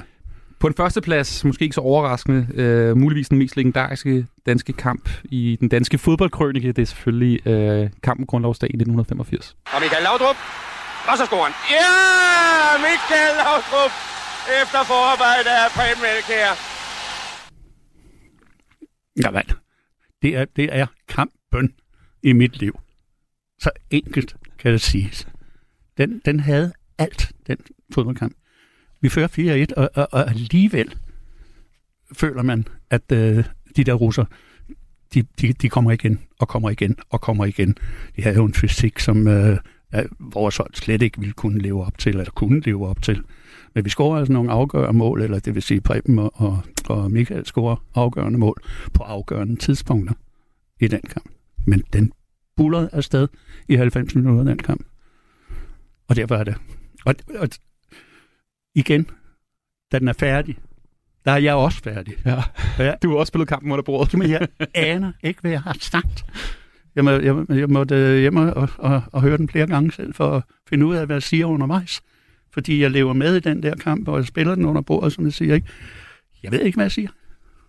Svend Gers, har det været det hele værd at dedikere sit liv til øh, fodbold? Ja, det vil Gud, det har. Du, du finder ikke noget bedre end fodbold, men øh, der, øh, det- og så har det jo ikke kun været fodbold for mit vedkommende. Jeg har lavet og fået lov til at lave så mange andre ualmindeligt spændende ting som øh, er sportsjournalist. Så øh, det har været det værd. Svend Gers, øh, glædelig weekend, glædelig pension. Ja, og skål i sangria. og skål i god tredje halvleg. Jamen det, tak skal du have. Du lytter til fredagsmissionen på Radio 4. For lige om et øjeblik, så er der besøg her i studiet igen. Vi skal lige uh, give plads til selvfølgelig nyheder her på Radio 4. Om et øjeblik, så har vi besøg af skuespiller Morten He. Andersen, som uh, faktisk har været med i, uh, i en, uh, noget, som du også har været med i, Svend. Jeg tror faktisk, du også har spillet med eller lagt stemme til noget. Men det, det kan vi lige snakke om et øjeblik. Lige nu, så skal du have nyheder, og klokken er nemlig så. Du lytter til Radio 4. Velkommen til fredagsmissionen. Din vært er Anders Hagen. Og vi har jo stadig sigtekortet øh, rettet mod øh, weekenden her i fredagsmissionen. Det er vores mission at øh, sende dig godt på weekend. Øh, herligt besøg af Svend Gers. Øhm, og han har faktisk lavet noget af det samme. Han har i hvert fald medvirket i en serie, som den næste gæst også har medvirket i. Og det kan vi jo finde ud af lige om et øjeblik.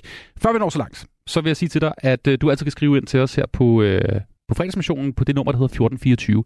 Lidt senere, så ringer vi jo som altid til øh, brevkasseredaktør, manden, der har prøvet det meste øhm, og som jeg er lidt usikker på, om er ædru om tre kvarter. Det er Knud Melgaard, som er brevkasseredaktør, og du kan sende dit dilemma ind.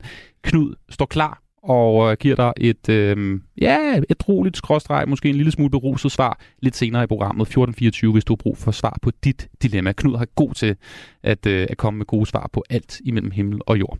Vi skal til en mand, som øh, bragede igennem i mere eller mindre sådan, har lavet hattrick i store øh, DR-dramaserie øh, Carmen Curlers Herrens Veje, Fred til Lands. Og i aften, det, jeg er meget imponeret over, at han er til stede her i studiet, fordi jeg troede det der med, når man skulle stå på en scene, så skulle man ligge hele dagen og fokusere som sådan en anden øh, superatlet. Nej, nej, han sidder i studiet, fordi i aften skal han stå på scenen og være Dong Juan.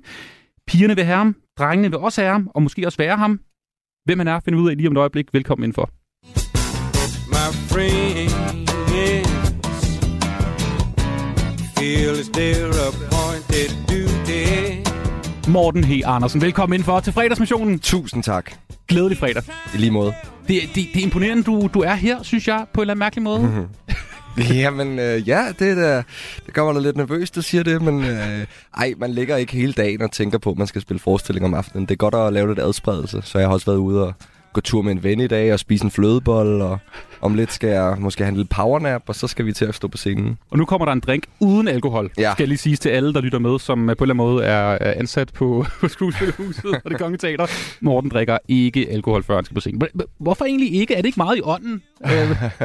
Jeg tror, det er en anden tid, ikke? Altså, øh, alkoholikeren var vel en... Øh, en øh, hedret arketype blandt skuespillere i før i tiden. Mest fordi, tror jeg, at man har nerverne lidt ude på tøjet før og efter en forestilling. Så det er en måde at dulme det lidt på, ikke? Men øh, i dag er det, det er sgu outdated i dag. det, er fu- altså, det er sådan uhørt, hvis der er en, der lige tager en uh, lille shoes før.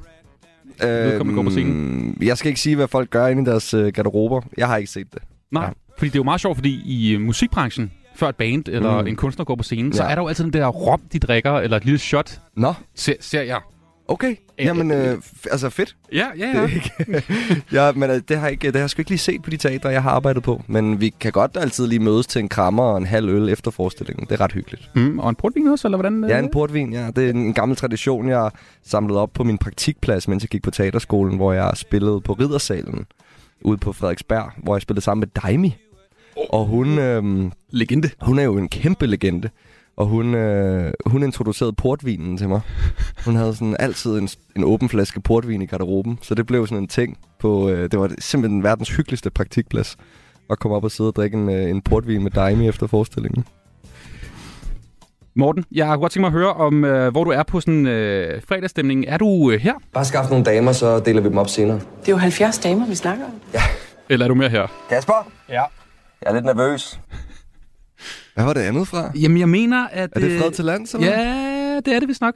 Nej, det er fra Sound, Sound Venue Creative YouTube-videoen Et par på opleveren fra november Nå, 2018. men det er Kasper Erik? Yes. Ja, ja. Okay, øh...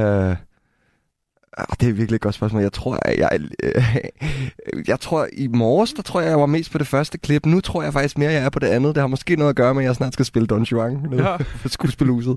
Så øh, ja, Okay, okay. Så du er en lille smule nervøs? jeg øh, er på fredag klip nummer to, ja.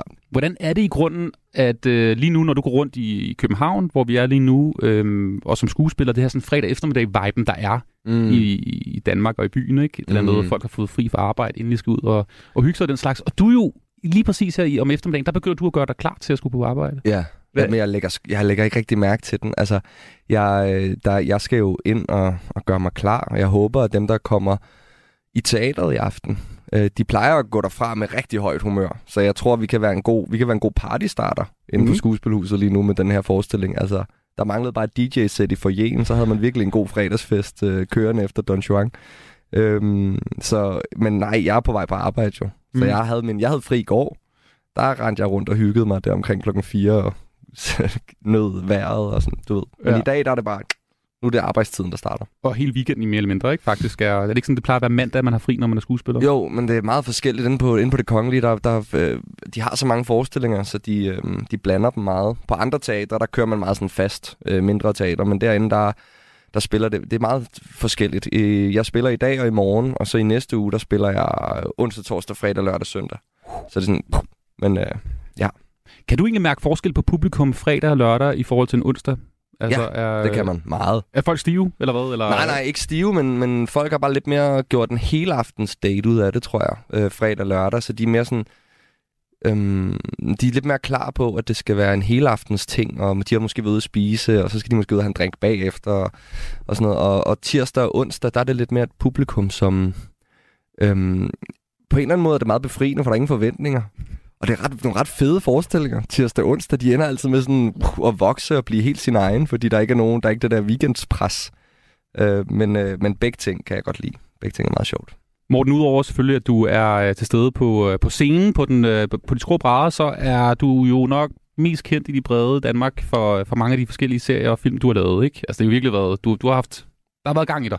Ja, der har været gang i de sidste tre år, altså. Carmen Curler selvfølgelig, Herrens Veje, Fred til Lands, Bastarden, Margrethe, hvor du spillede... Du, der er noget med Erik, navnet Erik, ikke? Det forfølger mig lidt. det- Du, du har lavet en en god research der. Jeg har spillet Erik tre gange, tror jeg. Ja, det er det. Øh, Sygeplejeskolen, stor fan nemlig herover. Mm. Øh, men nogen vil måske også kende dig fra det her øjeblik.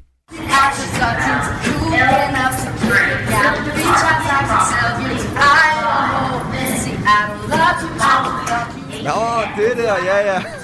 Beatbox-mester. Øh, vi er i øh, det Subway? New York, altså deres øh, metro, hvor ja. Du sammen med en masse kollegaer... Det er min øh, klasse. Vi er på studietur med teaterskolen. Jeg havde en fuldstændig um, fantastisk studietur til New York med, med min øh, klasse dengang. Og der var vi blevet skubbet ud i. Vi alle, alle var ret gode, um, er ret gode sangere fra min årgang der. Øhm, jeg var måske den mindst dygtige, så jeg, jeg, jeg var tit på percussionisten. jeg, var tit, øh, øh, jeg hoppede tit på en beatbox eller en guitar eller sådan noget, men, øh, men alle de andre synger fuldstændig amazing, og jeg kan også godt synge. Og øh, Sofie Torp, som synger for her, hun er, hun er en fantastisk sanger, og hun har lavet det der cover af Frank Oceans øh, Thinking About You. Hvor du Øhm, så beatboxer mere eller mindre, ikke? Ja. Ja. Og body, uh, body clapper også. Ja, men du er jo alt muligt vild med armene. ja, men jeg er alt for meget på der, men vi var jo unge, ikke? Så det er lidt for meget. Men det gik, øh, det gik jo... Øh, det var rigtig mange, der så det der klip. Mm. Det var også ret sjovt at spille. For, Ja. for altså New Yorker, de giver jo ikke en fuck, altså. Men de, var, de kunne godt lide, at vi kom der sådan otte, otte white White Privilege Denmark Danish Students kom og, og prøvede. Og, og projektet var, at vi skulle prøve at lave noget soulful. Så vi havde alle sammen en, en soul-sang, vi skulle over optræde med. Det var vores uddannelsesleder, Henning Sprogø. Han, øh, han pressede virkelig sine elever på en fed måde ud over kanten. Så vi skulle alle sammen have en soul-sang, og så havde vi alle sammen øh, en Shakespeare-sonet på engelsk også. Wow. Og så rendte vi rundt og optrådte i metroen og i parkerne. Og vi var også ude og optræde på en skole. Og vi optrådte også i en kæmpe mega-church. Sådan en øhm, rigtig øh, gospel-agtig. Ja. Og der var ikke nogen, der havde bedt om, at de kom og optrådte, eller Jo, jo, altså, Nå, okay. så var sådan, vi havde, vi havde prøvet at få det sat op. Der var ikke nogen, der bad om det i metroen. Der var, vi bare, der var vi ligesom alle de andre gademusikanter der, der stillede op. Men er det ikke noget med, at du godt kan synge? Er det ikke noget med, at, øh, at det her nummer har en eller anden tilknytning til dig? Men jeg vil aldrig, aldrig Hvor har du hørt? Hvor har du fundet ud af alt det her henne? Der er, vi, vi sidder et helt hold af super researcher. Okay, hvor sindssygt. Hvad er det, det her? Det, det er jo noget, er det danser med drengen, eller Ja. sådan noget, vi er ude i? Jamen, det er... Øhm... Ej, hvor sjovt. Det, vender mig, det vækker virkelig mange øh, følelser, det der. Sindssygt godt nummer, det her jo i øvrigt. pissegodt, men de har, de har lidt for meget, hvis du spørger mig, den der, den der 80'er bass, der fader fra højtaler til højtaler. Det er ikke lige mig. Så hvis du, skal, hvis du skræller den ned og bare spiller den på et klaver, så er det en af de smukkeste sange overhovedet. Øhm, øh, teksten er helt fantastisk. Og jeg sang den bare til optagelsesprøven på teaterskolen. Man skal ligesom synge en sang, ikke? Man Sang, skal, sang bare. jo, men man skal synge et eller andet, og så skal det helst være på dansk, for det, det vigtige er ligesom, at du kommunikerer en historie. Mere end at du synger en eller anden fuldstændig sindssygt. Det er selvfølgelig dejligt, hvis du kan det, men jeg var meget på, at det skal være en sang, der er inden for mit range, som jeg skal kunne kommunikere. Og så kan jeg huske, um, Katrine Grejs Rosenthal, hun sad i juryen det år, og så sang jeg den til hende. Så Mm. endte hun med at hoppe over bordet, og så dansede vi sammen. Mens vi, det var, ri- hun var rigtig sød. Altså til optagelsesprøven? Ja. okay. det er lidt, lidt andre slags optagelsesprøver, man kører på skuespilskolen i forhold til andre steder. Ja, det, det er jo lidt, altså, øh, det er en, måske en skide dårlig sammenligning, men det er jo lidt x factor Der er et bord og et mørke lamper, og man kan ikke se juryens ansigter, men de hilser lige på en, og så skal man performe sine ting, ikke? Mm. Så hvis man kan sparke noget liv ind i det, så er det jo meget godt. Og det gik jo meget godt. Ja.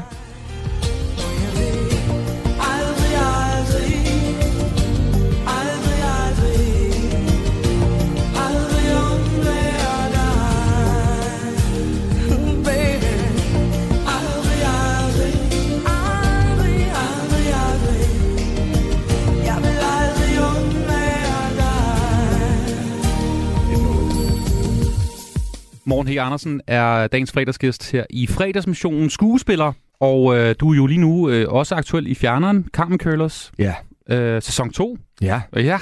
Hvor der er sindssygt meget bajer og fest. Det er ja, det noget, er der der. rimer rigtig godt herinde i studiet jo. Ja. Øh, du spiller ham her, den kan vi godt kalde ham ekscentriske startup-forretningsmand. 100 procent. Øh, og succesfulde Axel Byvang, som jo øh, er lavet over... Han har jo et andet navn i virkeligheden jo. Ja. Ja, øh, Arne Bybjerg. Ja, som lyder næsten ens. Ja, det er lidt tilfældigt, hva'? Men det er jo øh, det er fordi for, øh, Mette Heno, som har skrevet øh, Carmen Køllers, vil gerne øh, øh, blive lidt fri for at skulle øh, forholde sig til virkeligheden en til en.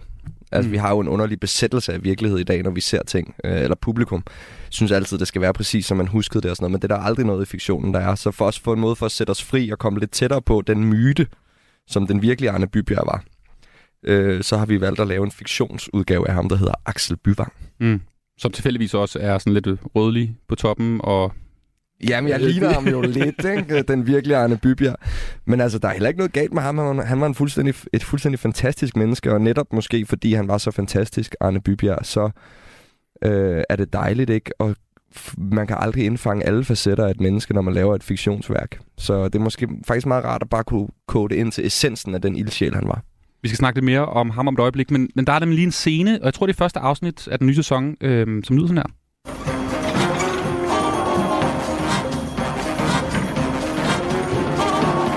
Der er fest og glade dage. Vi er på hotellet, ikke? Hvor at, øh, amerikanerne er, og der er øh, go-go ladies, og altså det er jo som... Sådan et gat- Lommerpiger blev Yes. det kaldt. Okay, ja, ja, selvfølgelig. Det er sådan lidt Gatsby-agtigt, synes jeg, det her. Ja. Selvom vi er i, i 60'erne, ikke? Det tager som et kompliment. Ja, tak. Mm. Hvordan, hvordan er det at lave sådan nogle scener her, hvor at, øh, du skal være fuld i virkeligheden, og folk omkring dig skal være i sådan et festhumør, når I står garanteret et eller andet Mm. november eftermiddag øh, øh, kedeligt sted?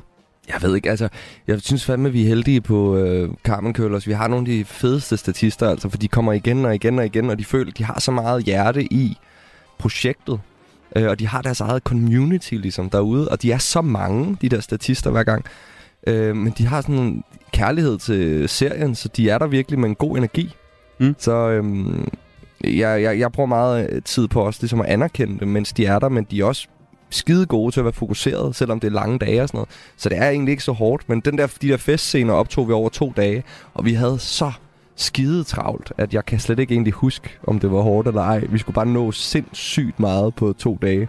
Altså, øhm, ja, så det, jeg synes bare, det var fedt. Altså. Hvordan, hvordan, øh, hvordan, hvad gør I sådan helt? Altså sådan, jeg har bare altid sådan lidt nysgerrig på sådan nogle scener, hvor at skuespillere skal være fulde, eller skal mm. Være i en eller anden særlig festmood. Når Ja. jeg forestiller mig, at der, det er lige efter frokosten, hvor I har stået og spist et eller andet Ja, ja. bøf og... Øh, Jamen, jeg ved, altså, hvad skal, jeg ved ikke, hvad jeg skal sige. Det er jo bare... Øh, det er en leg, jo. Det er, jo, det er mega sjovt at, øh, at spille en rolle som Axel Byvang, fordi han er så social, og han, er så, han har så meget energi. Så jeg får lov at bruge øh, hele kroppen og danse og, og alt sådan noget. Det, det er virkelig... Øh, jeg ved ikke, det er bare skønt, altså. Det er klart, at man bliver lidt træt sidst på dagen, når man har lavet den samme scene i, i 12 timer. Øhm, men igen, altså, fordi alle er så søde. Alle øh, de skuespillere, der er med, og statisterne, der er med, det er et enormt dejligt hold. Så det føles lidt som at være et ensemble på et teater. mm. ham der, altså Arne Bybjerg, ikke? Mm. Øhm, som din karakter Axel er bygget over. Han er jo som sagt en sindssygt vild dude. Altså sådan Ja. en type, man gerne vil have med til en fest. Man Ja, gerne ja. vil til ham over. Kom Ja. lige. Øh, han døde jo sidste år jo. Ja. Ret vildt, at det lige sådan samtidig med, at Carmen vildt. Køller sådan ruller Ja. ind over, over landet. Han, jeg, jeg, han er sådan lidt en type for mig, sådan lidt Peter Brikstofte møder Claus Riskær. Mm. Typen, sådan en, Ja. øh, du ved... Øh, Jeg kan se, hvad du mener. Måske med knap så meget darkness. Ej, men der er jo, der, alle har jo øh, en livshistorie. Altså, øh, og han brændte jo også lidt nallerne på offentligheden. Arne Bybjerg. Altså, folk var meget efter ham, så snart han blev så stor, som han blev, og hans virksomhed blev så stor, så var medierne meget, øh, meget øh, efter ham. Man vil gerne se en mand, i Danmark i hvert fald, vil man gerne se en pille en mand ned, når først han nået op på toppen. Researchede du meget på ham? Altså Ja, op ja, til rollen? meget, ja. Hvad, hvad er sådan den vildeste, eller nogle af de vildeste historier, der ligesom dukkede op omkring ham? Øh, noget af det vildeste, tror jeg, var hans tid i øh, Malaysia, øh, som hed Malaya dengang, øh, hvor han øh, arbejdede på sådan en øh, palmeolie øh, fabrik, eller øh, øh, farm, hedder mm. Det vel egentlig. Og øh, der var nemlig borgerkrig i samfundet der, så, så der var sådan nogle sindssyge historier om, at øh, det- øh, han, de fandt en kommunist, der var bundet til et træ ude i, øh, ude i junglen, hvor kraverne eller fuglene havde spist hans øjne, fordi der blev lagt noget kød ind i. Altså sådan noget sådan sindssyge nøjeren historier. De gik rundt med geværer og sådan noget, fordi de skulle have noget at forsvare sig med. At det var en ret vild tid dernede. Så var der også en helt vild historie om, at han, han tog pilotuddannelsen, mens han boede i Malaya, og, og fløj hen til et andet, et andet land for ligesom at hente en speciel form for gensplejset palme, som han så kunne flyve tilbage og plante for at overbevise sin chef om, at han havde, at han havde fundet en bedre palmeolie, end den de lavede i forvejen. Og sådan noget. Okay. Han var ret sej, altså. Mm. Og, og, og flyttede så til Australien jo også. Var det noget med, at han også lavede verdens største sø? Var det ikke noget med, at der, der var et eller andet sådan... Og han, øh, han etablerede to kunstige søer, så vidt jeg husker. Ja. Øh, det, jeg kan godt tage fejl her. Men øh, fordi hans sidste projekt var at bygge et, øh, en stor by altså øh, for mennesker. Han ville gerne etablere en by i junglen, som var tæt på Great Barrier Reef øh, i Australien. Og det kan godt være, der er noget fakta, der er forkert her, men i hvert fald øh, er jeg ret sikker på, at han etablerede to kunstige søer, som man så kunne til at stå på vandski på. Ja. Altså. Det var ret vildt. Han havde, jeg tror, han, havde et, han endte med at have et landområde på størrelse med Fyn nede i Australien, eller sådan noget. Ja. Solgte jo øh, Carmen Køllers i slutningen af 60'erne, ikke? Jo. Og fik et større, større, større beløb, hvis nok. Kæmpe beløb. Altså, det er sindssygt mange penge i dag, det han Ja. fik. Altså, på, til den tid. Den tid, der tror jeg, han solgte det for en kvart milliard. Eller et eller andet. Wow. Og det var sindssygt mange penge i slutningen af 60'erne. Han øh, så jo serien jo. Nåede at se serien. Ja. Var du egentlig nogensinde i forbindelse med ham? Altså, har du snakket med ham, eller snakket med hans... Nej. Han har jo ret mange børnebørn også, hvis nok, ikke? Jeg har Øh, snakket med hans børn. Okay. Og øh, hans, nogle af hans børnebørn. Øh, men først efter serien var færdig, jeg researchede rundt omkring ham i virkeligheden. For på et eller andet tidspunkt, der var corona, der var meget besværligt at komme til Australien og møde ham. Og han havde også, jeg havde fået opfattelsen af, at han gav sin velsignelse til projektet, men ønskede måske heller ikke at have direkte kontakt med det. Og så efter vi lavede ham om til en, øh, en fiktionskarakter, så besluttede jeg mig også for, at det måske faktisk var bedre, at jeg lavede, jeg prøvede at bygge karakteren over myten om ham. Øh, ja, så jeg besluttede mig faktisk aktivt for ikke at skulle mødes med ham, før jeg begyndte at lave det. Ja. Men jeg var jo meget, meget glad for at høre, at han øh, synes, det var godt, det vi havde lavet. Efter sine citat i hvert fald fra DR's hjemmeside, meget begejstret for serien. Uh, Ja, wow. altså det er jo, Ja. det er jo, hallo. Ja, han og hans børn har været så søde til at reach out bagefter, for nogle af dem har jo ikke kendt ham dengang. Og det var meget fedt for dem at få et indblik i, hvordan hans, hans forretningsliv var i Danmark, før de blev født. Så Morten, hey Andersen, du har taget noget musik med. Ja. Og jeg ved, du har gæstet andre programmer på Radio 4, blandt andet på Trætalbum, Ja. hvor der var Radiohead. Men du har ikke taget Radiohead med Nej, men i det er dag. fredag nu, Det er nemlig det, og det er fire forskellige sange, vi skal høre, øhm, ud fra nogle overskrifter. Vi det har... er så svært at vælge, bliver jeg nødt til at sige. Altså, så, så I, må ikke, uh, I må ikke definere hele min sjæl på de fire sange her. Det kan jeg love dig for, at vi gør. Okay. Øh, sangen, som øh, du forbinder med at være teenager, der har du taget den her med. Jeg er ikke ude efter store bar med chicks og ting, der skinner. Stille venner, plus diamanter på første til sidste finger. Billige kvinder, egen chauffør og tegnebøger, jeg ved ikke hvad. Mit pimpsuit, nej, det er lidt mere bare for at pisse ja. Med hængerøv og billig chat i smøg. Der er ikke penge i det her pis, alt hvad de har fortalt er løgn. For i den almindelige Hvad hører vi her? Ej, du må ikke stoppe med det. Han er superhjernen. Han er så fucking... Hans flow er så svedigt, jo. men i andres øjne er det sikkert ikke nok Jeg lever hip-hop, min hobby kaldes for rap Jeg har en lille smule talent, som jeg dobler op på tracks Men Wait. Ej, der. Det er et sexsymbol, som nikker Jay på grund af min blege fede krop, men jeg har det dejligt nok, så Hvad er det her? Det er, øhm, det er en, en dansk rapper, der hedder Superjan. Som, øh, det er et album, der hedder Viva la Gade Hip Hop. Længe leve gade hip hop, ikke? Mm. Øhm, og øh, ja, jeg, er bare- jeg er bare vokset op med hip hop øh, rigtig meget. Og øh, øh, alt, hvad det står for, ligesom. Øh, og især sådan noget selvudleverende, ironisk hip hop, som giver en fuck for, øh, for den der form for gangster-rap. Og den der pimp-rap, og den der guld og damer og biler rap. Alt det der, det er stor øh, fuckfinger til det, ikke? Fordi det er selvironisk. Øhm, Som Malte Coyne eksempelvis, måske også. Ja, Malte en hvid chokolade, øh, Østkyst Hostlers også egentlig, og sådan noget øh, humleriderne og sådan noget. øh, og så det her, øh, som var et album, øh, min ven Thors storebror, tror jeg, introducerede for mig. Fordi han kendte en af producerne på det. Øh, og det har jeg bare hørt sindssygt meget. Jeg var meget i tvivl om, hvad for noget hiphop jeg skulle tage med, men det fyldte bare... Jeg lærte den ligesom først... Jeg lærte nærmest først andet musik at kende, da jeg kom på efterskolen. Ikke? Ellers var det bare sådan noget hiphop, øh, forskellige genrer. Selvfølgelig Eminem, men også øh, et svensk band, der hedder Loop Troop Rockers. Og så det her, det giver mig bare stadig gåsehud, det her track, fordi hans, øh, hans rim er så fed, altså. Det der, jeg bliver aldrig et sexsymbol som Nick og Jay på grund af min blegfede krop. Det var grineren. altså, hvor han ligesom siger, jeg kan ikke tjene penge på det her, men jeg er ligeglad. Øh, det er ligesom, det er ægte, det vi laver. Og jeg tror meget, det var mentaliteten, dengang jeg voksede op. At man skulle fandme være ægte, ikke? Man måtte ikke gå op i sig selv og sådan noget.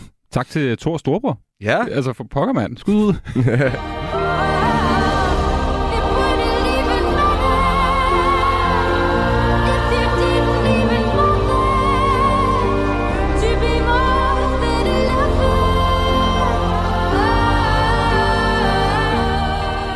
Morten, så er vi ude i et nummer, som øh, rører dig. Og jeg tænkte jo lige, at det her er Kate Bush?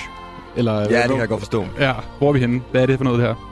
Øh, det er Susanne Sundfør, øh, en norsk sangerinde, som øh, min kæreste introducerede mig for. Øh, det er fra et album, der hedder Music for People in Trouble. Og du går jo lige ind der, hvor det er helt vildt, det her nummer. Hvis man hører det fra starten, så bygger det sig op vanvittigt langsomt. Og så, ja, men hun har så, hun har så sindssyg stemmekontrol. Øhm, og det er bare et ekstremt smukt nummer om at have tillid i kærlighed, det her nummer. Bruger du øh, musik, numre som den her, når du skal på scenen eksempelvis? Eller? Meget, ja, det gør jeg virkelig. Ja, hvordan er det? Øh, faktisk, det her nummer, det var et mig og Amanda Collin, vi lyttede meget til, da vi skulle lave Bastarden.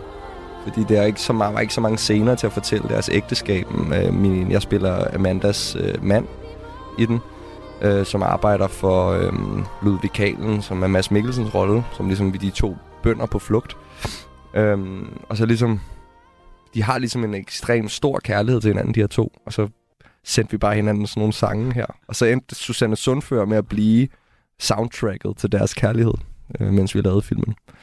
Øh, jeg ved, jeg, jeg lytter meget til det, fordi man prøver at lave et univers omkring den rolle, man sp- Jeg prøver at lave et univers omkring den rolle, jeg spiller, også selvom der ikke altid er ord til at forklare om det. Bare for, at jeg er på arbejde, så jeg ligesom kan glemme mig selv og glemme, hvordan jeg fremstår, mens jeg laver det. Ikke? Mm. Så for ligesom at kunne forsvinde ind i det, så bruger jeg musik, og det her nummer, synes jeg var mega godt til, øhm, til lige den film.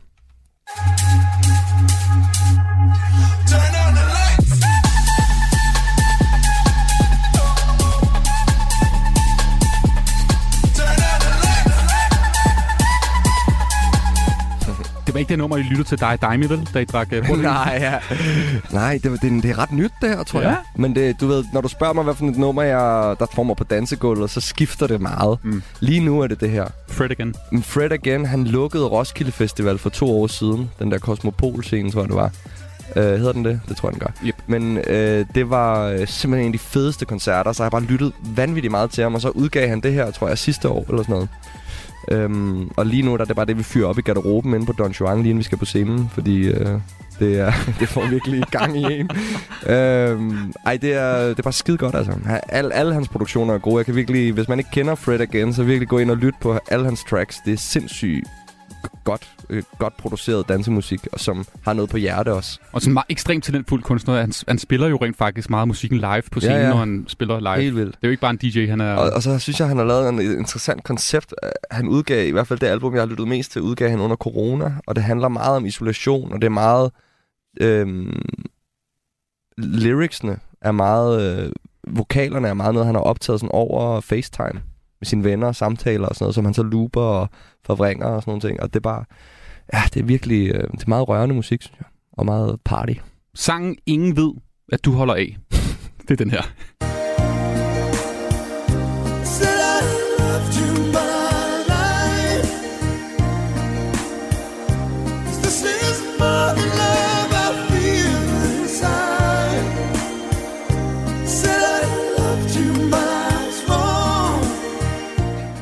Det er altså flødebold med flødebold på. Ja, det er det.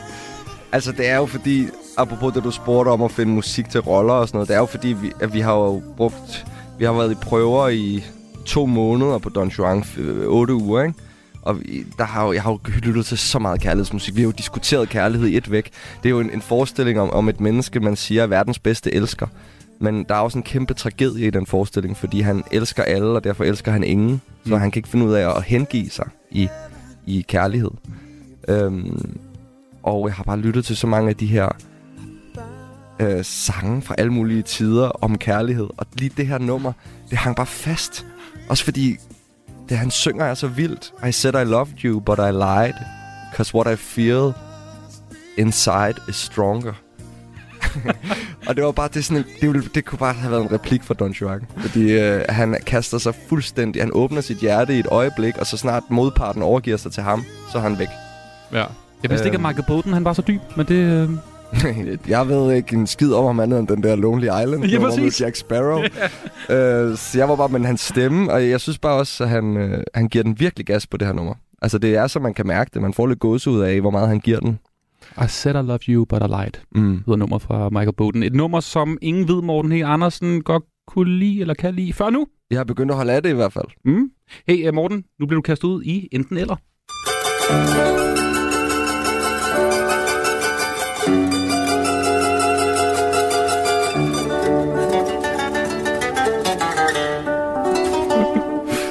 Der er ikke alkohol i drikken, bare rolig. Godt. Ja.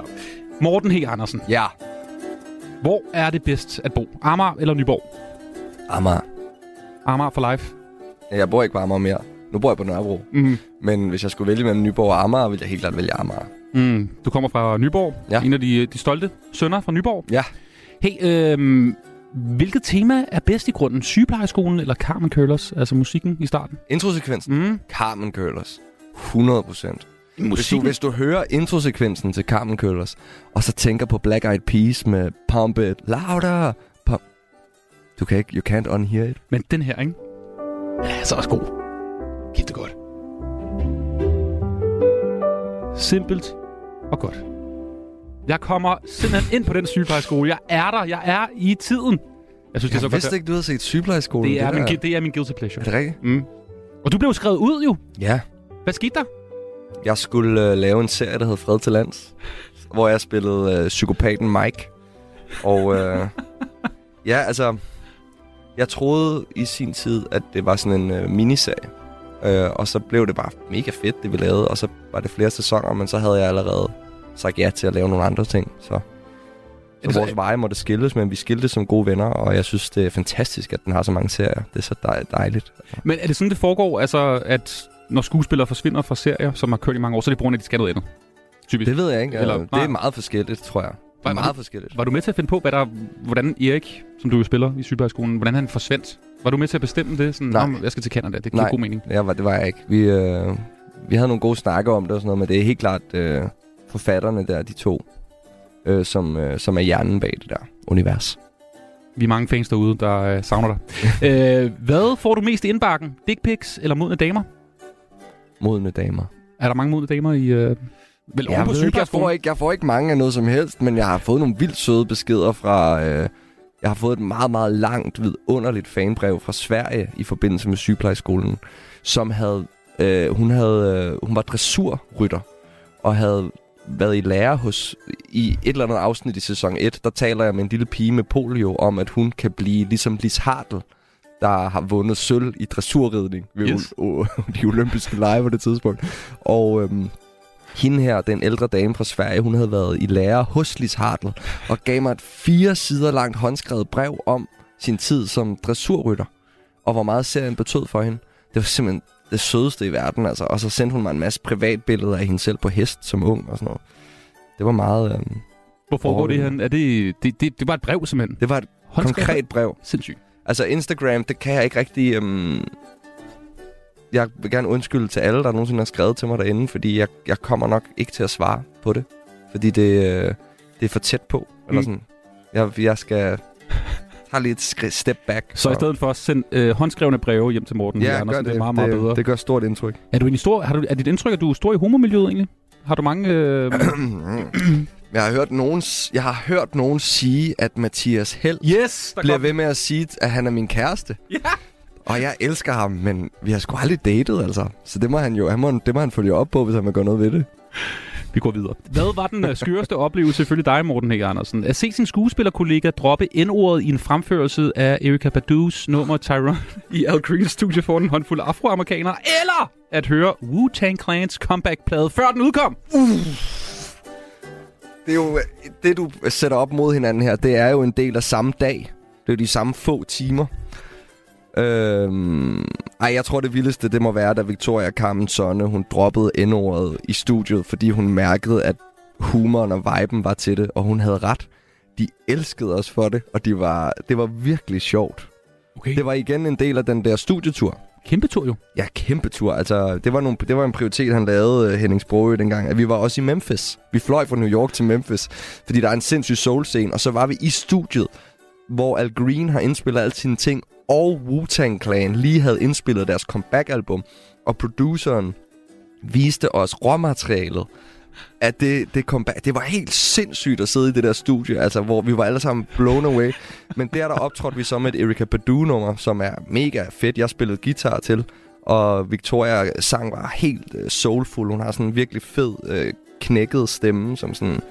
Øhm, og der er bare på et tidspunkt, hvor n bliver brugt, og ellers havde vi optrådt med det, hvor hun sagde sugar.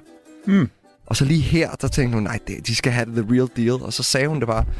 Og så de her seks øh, hvad hedder det, afroamerikanere, de, de skreg bare, stod og kastede håndtag. De synes, det var så grinerne, at den her, hun er jo fem lorte høj og helt hvid, ligesom alle os andre. Og, men de var bare, de, de kunne godt se, at det var en form for, øh, på en eller anden måde, en respekt til, til deres, øh, deres udtryk og studiet. Og ja, det var meget sjovt. Morten He, hvornår var du mest bange? Da du var ved at drukne i Vietnam, eller da du og resten af holdet bag modtog dødstrusler i forbindelse med Martyrmuseet? Da jeg var ved at drukne i Vietnam. Mm. Ja. Vil du fortælle? Ja, men det var bare dumt, altså. Det var bare... Øh, jeg, må, jeg er ikke verdens bedste svømmer. Jeg kan godt svømme, men jeg er ikke verdens bedste svømmer. Og øh, jeg var på sådan en rigtig Sydøst-Asien-tur øh, der. Lige, jeg var lige kommet ind på teaterskolen, jeg blevet optaget, og så fik jeg det sindssygste økulder, fordi jeg var sådan... Så er jeg jo bundet til København i fire år. Og så købte jeg en, jamen, så købte jeg en billet til Vietnam. En flybillet. Som man gør jo. Ja, og pakkede en taske og tog ned og og så rejste jeg faktisk øh, ind i Kambodja også, og så boede jeg så på en lille ø og rejste med nogle andre fra andre lande. Øhm, jeg rejste bare rundt alene.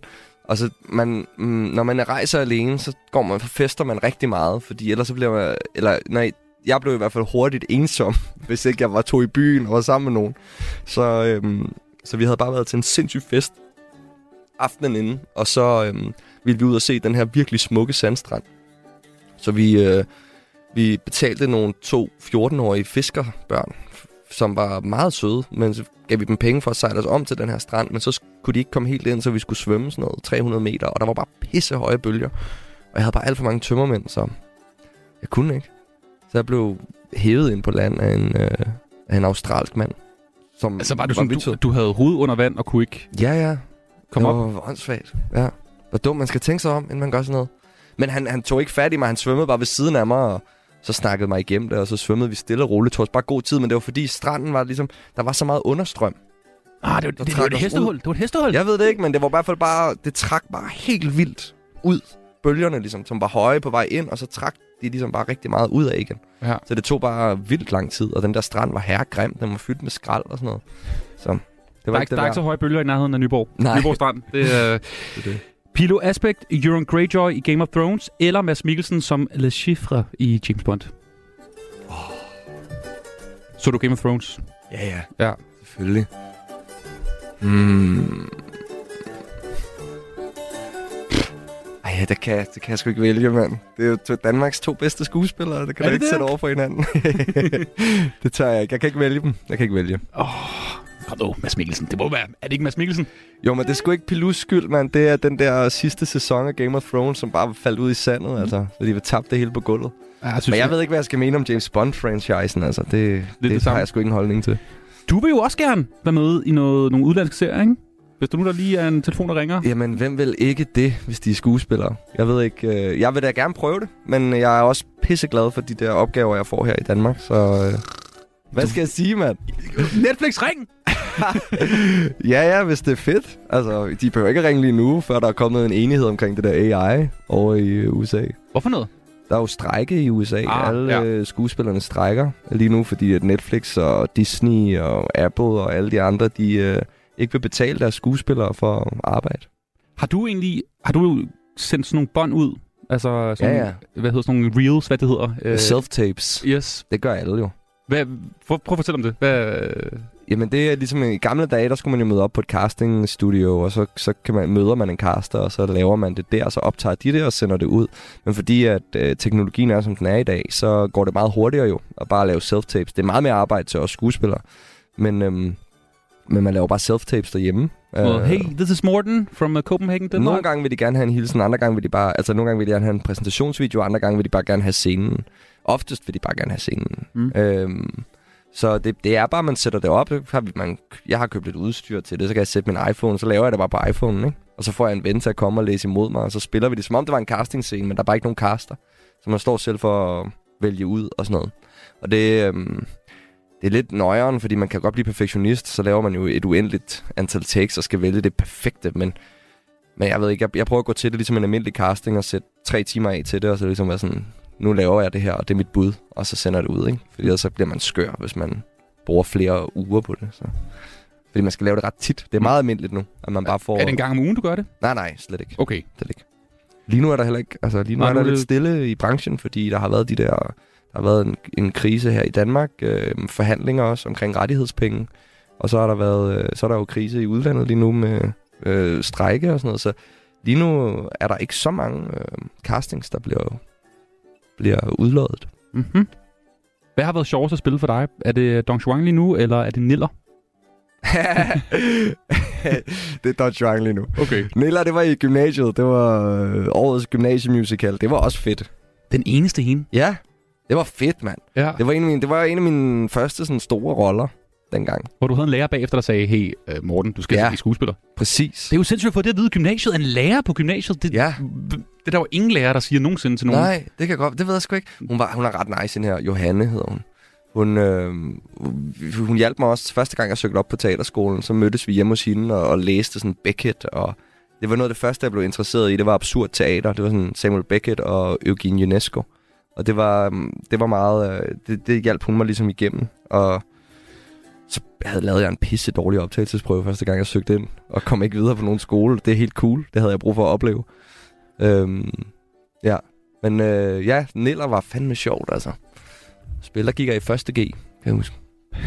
Jeg ved ikke, om der er så meget at fortælle om det andet, end jeg skulle synge en masse Thomas Helmi-sang, og det lød halvdårligt. Og sådan. men Moulin Rouge eller Saving Private Ryan, tager vi også lige. Moulin Rouge, 100%. Din yndlingsfilm, ikke? Er det ikke noget, den dur? Nej, Det en af dem, lidt. altså... øh, Jeg, jeg har ikke set Saving Private Ryan så mange gange. Jeg har set den en gang, tror jeg. To måske. Mm. Moulin Rouge har jeg set en milliard gange. Øhm, jeg ved ikke, hvad det er med den. Den er bare virkelig... Øh, øh, det er jo en musical, men den er også lidt punk. Øh, den måde, den, den er filmet og sat sammen på og klippet på, det går vildt stærkt, og det er ret grimt nogle gange og sådan noget. Og sangene er... Sangene er jo vidunderlige, selvfølgelig. Jeg har, jeg har lavet rigtig mange musicals øh, på Fyn. Ja, har så jeg har, jeg, har en, jeg har en gammel musical-dreng inde i mig. Øh, lavet øh, Jesus Christ Superstar, Charlie og Chokoladefabrikken. Og, fordi musicals er en stor ting i Nyborg. Jeg tror, 50% af dem, der går på Musical Akademiet i Fredericia, de kommer fra Nyborg. Øhm, og det var ligesom min indgang til at lave teater i det hele taget. Det var at lave musicals. Så Moulin Rouge har altid stået som et virkelig flot værk. Og jeg synes, det er meget... Jeg synes ikke, han har lavet noget godt siden Bas Lerman, faktisk. Jeg kan slet ikke holde ud at se den der Elvis-film og sådan noget. Ej, den er, den, er, den er voldsom. Ja. Øh, vi tager lige den aller sidste. Apropos øh, Nyborg. Øh, Morten, hvad er du mest stolt over? At vinde en Robert eller Nyborg Kommunes kulturpris? Mm. Mm. Jamen, jeg vil Roberten. Ja, det tror jeg. Mm. Det var jeg rigtig glad for.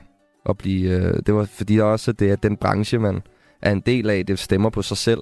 Så det kan både være en vennefest, men det er også lidt en anerkendelse fra ens kollegaer om at sige, det var sgu fedt, det du lavede. Så den er jeg glad for. Men du var den første til at vinde den der kulturpris, var du ikke det? Jo, jo, jeg vidste ikke, den fandtes. De, jeg tror, de har opfundet den. ja, det kan godt være. Jeg ved det ikke. Jeg skal ikke hænge dem op på det i hvert fald. Hvor ofte er du tilbage i Nyborg egentlig? Øh, jamen, jeg er gang imellem hjemme og besøge min mor og far, ikke? Mm. Så øh, jeg kan ikke sige, hvor ofte. Jeg skal hen og besøge dem på mandag, så... Det bliver jo sindssygt til jul jo, hvis du skal holde jul derhjemme. Altså øh, Ja. juleaften, jeg ved ikke, om I plejer at gå ud der. Der må du jo have en fest. Der må der være gratis øl. Lokale- Øh, når man plejer du at gå ud efter anden og sådan noget, altså om aftenen? Yes. Jamen, det har, det har jeg aldrig gjort. Jeg plejede at gøre det den 25. Mm. Men øh, at de værtshuse, jeg plejede at gå på, de er lukket og sådan noget, så det er ikke, nostalgitrippet er ikke så stort, som det har været. Så, øh, Møde alle de gamle flammer. Og så har jeg også holdt øh, jul i Stockholm nogle gange nu, sammen med min kæreste. Så ja, det er lang tid siden, jeg har været ude i julen i Nyborg. Det var enten eller med Morten E. Andersen. Du lytter til fredagsmissionen på Radio 4. Og du skal jo snart afsted jo. Er du ved at blive lidt fuld af den der... Øh... Jeg føler, der er en placebo-effekt i den her drink. du skal stå på scenen om nogle timer. Øh, jeg lover dig, der er ikke noget... Øh, vi har ikke spiked the drink. Tak. Øh, har du nogensinde mødt dronning Margrethe? Har jeg det? Sindssygt, du lige skal tænke jeg over det. har, Hun er gået forbi mig. Okay. Uh, hun var med til premieren på Margrethe den Første. Det er det, jeg tænkte. Og jeg havde lige taget sådan en halv chokofantstang i munden. og så kom hun forbi, og så skulle alle rejse sig op, og så stod jeg og gumlede på sådan en chokofant, mens jeg gemte den anden halvdel på ryggen. Det kan jeg huske. Men hun er... Ja, det var for sjovt, men jeg har ikke mødt hende. Nej, jeg har aldrig snakket med hende. Jeg vil lige spille et klip fra, fra ugen, der er gået, fordi at øh, hun var til stede til et pressemøde øh, i forbindelse med en opsætning af en ballet, hvor hun jo har med til at lave nogle kostymer og den slags. Ah. Og der er der en ekstrabladsjournalist, som lige øh, ser snittet til at stille ugens vigtigste spørgsmål. Er du klar på at høre Hvad er det? De sidste par dage har Matthew Perrys død fyldt rigtig meget. Han var jo en stor stjerne i den øh, kendte serie Friends. Har, de, har, de, har det påvirket dem? Jeg har aldrig set noget tak. Altså, oplagt spørgsmål. Det er jo øh, god journalistik, det der. Det er jo virkelig verdensklasse. Jeg er jo faktisk mest imponeret over, at dronningen som den eneste i Danmark ja. ikke har set vinder. Ja. Hvordan kan det lade sig gøre? Det ved jeg ikke. Altså, det er jo svært at undgå. Altså, jeg forestiller mig også, at Matthew Perry og Friends har jo været også for stort for dig, ikke? Ja, ja, men jeg har faktisk prøvet det bedste, jeg kunne at undgå det. ja. Fordi, ja, efter min, min, min mening er, at det er en sindssyg, sindssygt giftig vennegruppe, Friends. What? Fortæl. Jeg synes, de er så stride ved hinanden. Mændene kan ikke kramme. Og hvad hedder det? og de går og har sådan nogle intriger hele tiden. De er jo kærester på hinanden op. Jeg er sådan her, det æder med en vennegruppe, jeg ikke skulle være en del af. Jeg synes, den er så fucking toxic. Så ja. Men altså, jeg har også grinet af det. Jeg synes også, det er sjovt og sådan noget. Jeg har bare Du er ved at cancel, du. Altså, Morten He er ved at cancel venner. Jeg tror ikke på canceling. Åh, okay. Men jeg har ikke, men jeg har bare ikke, det er bare ikke, det er bare ikke min serie. Mm. Jeg respekterer alle, der ser det. Jeg ved, jeg, der er rigtig mange, der godt kan lide det. Hvad, hvad mener du med, at du ikke tror på canceling? Ej, jeg, jeg, jeg tror på det, men jeg, det ved jeg ikke. Jeg synes bare, det nogle gange bliver det brugt canceling til at være indskrænkende for kunstnernes øh, udtryksform. Mm. Øh, men jeg vil ikke, øh, jeg vil ikke sige, at jeg ikke tror på det. Selvfølgelig er der noget. Man skal strække en streg i sandet. Man skal ikke være en kæmpe nar, bare fordi man er kunstner. Men øh, nogle gange skal man også se på det værk, der bliver lavet, synes jeg. Har du oplevet det selv? Altså, der er nogen, der har sagt, øh, det må du ikke sige, eller et eller andet. Men jeg oplevede det jo i forbindelse med Martyr Museum, som var min afgangsprojekt fra teaterskolen sammen med nogle, øh, øh, sammen med min teatergruppe. Jeg startede sådan en teatergruppe på, på skuespillerskolen, der hed øh, The Other Eye of the Tiger, eller hedder The Other Eye of the Tiger. Lige nu spiller vi Per Gynt. Den er på turné, men det er ikke mig, der spiller den her gang. Det er en skuespiller, der hedder Morten Burjan. Det er mega fedt. Øh, men i hvert fald, øh, Martyr Museum, der blev vi troet på livet jo, fordi at øh, det var et, et kunstprojekt, som undersøgte martyrbegrebet. Og øh, så bliver man også nødt til at undersøge, hvordan det bliver brugt øh, i terrororganisationer. Og det var der rigtig mange øh, mennesker, der slog sig på. Bertel Hårder vil øh, have jer Han vil lugte. lugte. Men så endte det jo, og vi var jo elever på det her tidspunkt. altså, det var ret vildt. Man kunne ikke tænde radioen, uden der var nogen, der snakkede om det, det der. Og det var på sort-hvid teater, men fordi titlen var museum, så troede folk, det var et rigtigt museum, selvom det var på et teater, som er sindssygt radikalt. jeg forstår slet ikke, folk ikke var sådan mere kildekritiske, men i hvert fald øh, endte det i deadline, fordi Battle Horder havde lavet en meget hård udtalelse. Og øhm, Battle Horder vil cancele. Ja, så- han var kulturminister på det yes. tidspunkt, og så endte han i en debat med Rune Lykkeberg. Og øh, den debat var fantastisk, fordi Rune fik Bertel Hårder til at trække sin udtalelse tilbage for åben skærm. Og respekt for Bertel for at sige undskyld. Men også for, til Rune for ligesom at have en savlig debat om, hvad kunst skal kunne i dag. Så det var, det var en rigtig, det var på en måde et stort win for os. Jeg ved ikke, hvordan vi endte der. Fra. Ron Margrethe til Det ved jeg heller ikke. Morten Høgh Andersen. Det har været en øh, kæmpe fornøjelse at have dig i studiet, og du må have en øh, vidunderlig weekend med øh, simpelthen altså arbejde mere eller mindre. Ja, køb nogle teaterbilletter, mand. Der er snart ikke flere tilbage. Ha' en god weekend. I lige måde. Du lytter til fredagsmissionen på Radio 4.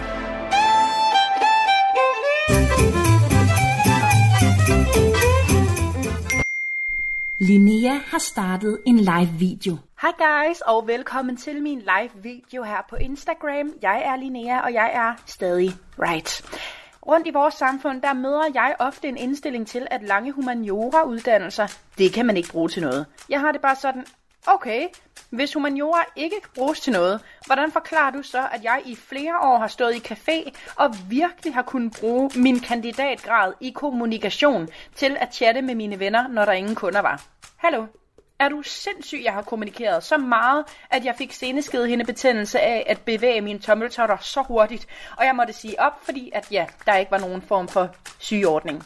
Der er masser af funktioner i vores samfund, hvor at os med længere humaniora-uddannelser virkelig får budt ind med noget unikt. For eksempel har jeg en ven, der med sin kandidatgrad i litteraturvidenskab fra KU virkelig får brugt sine færdigheder i jobbet som pædagogmedhjælper, når han læser højt fra Paddington Bjørn for børnene. Eller min ven, som er blevet voldbud efter endt uddannelse. Det kan godt være, at der ingen pensionsordning er, men jeg tager hatten af for, hvordan han med sin kandidat i Asien-studier virkelig sætter en ære i at levere og præsentere maden for de sultne mennesker derude, når de bestiller pad thai.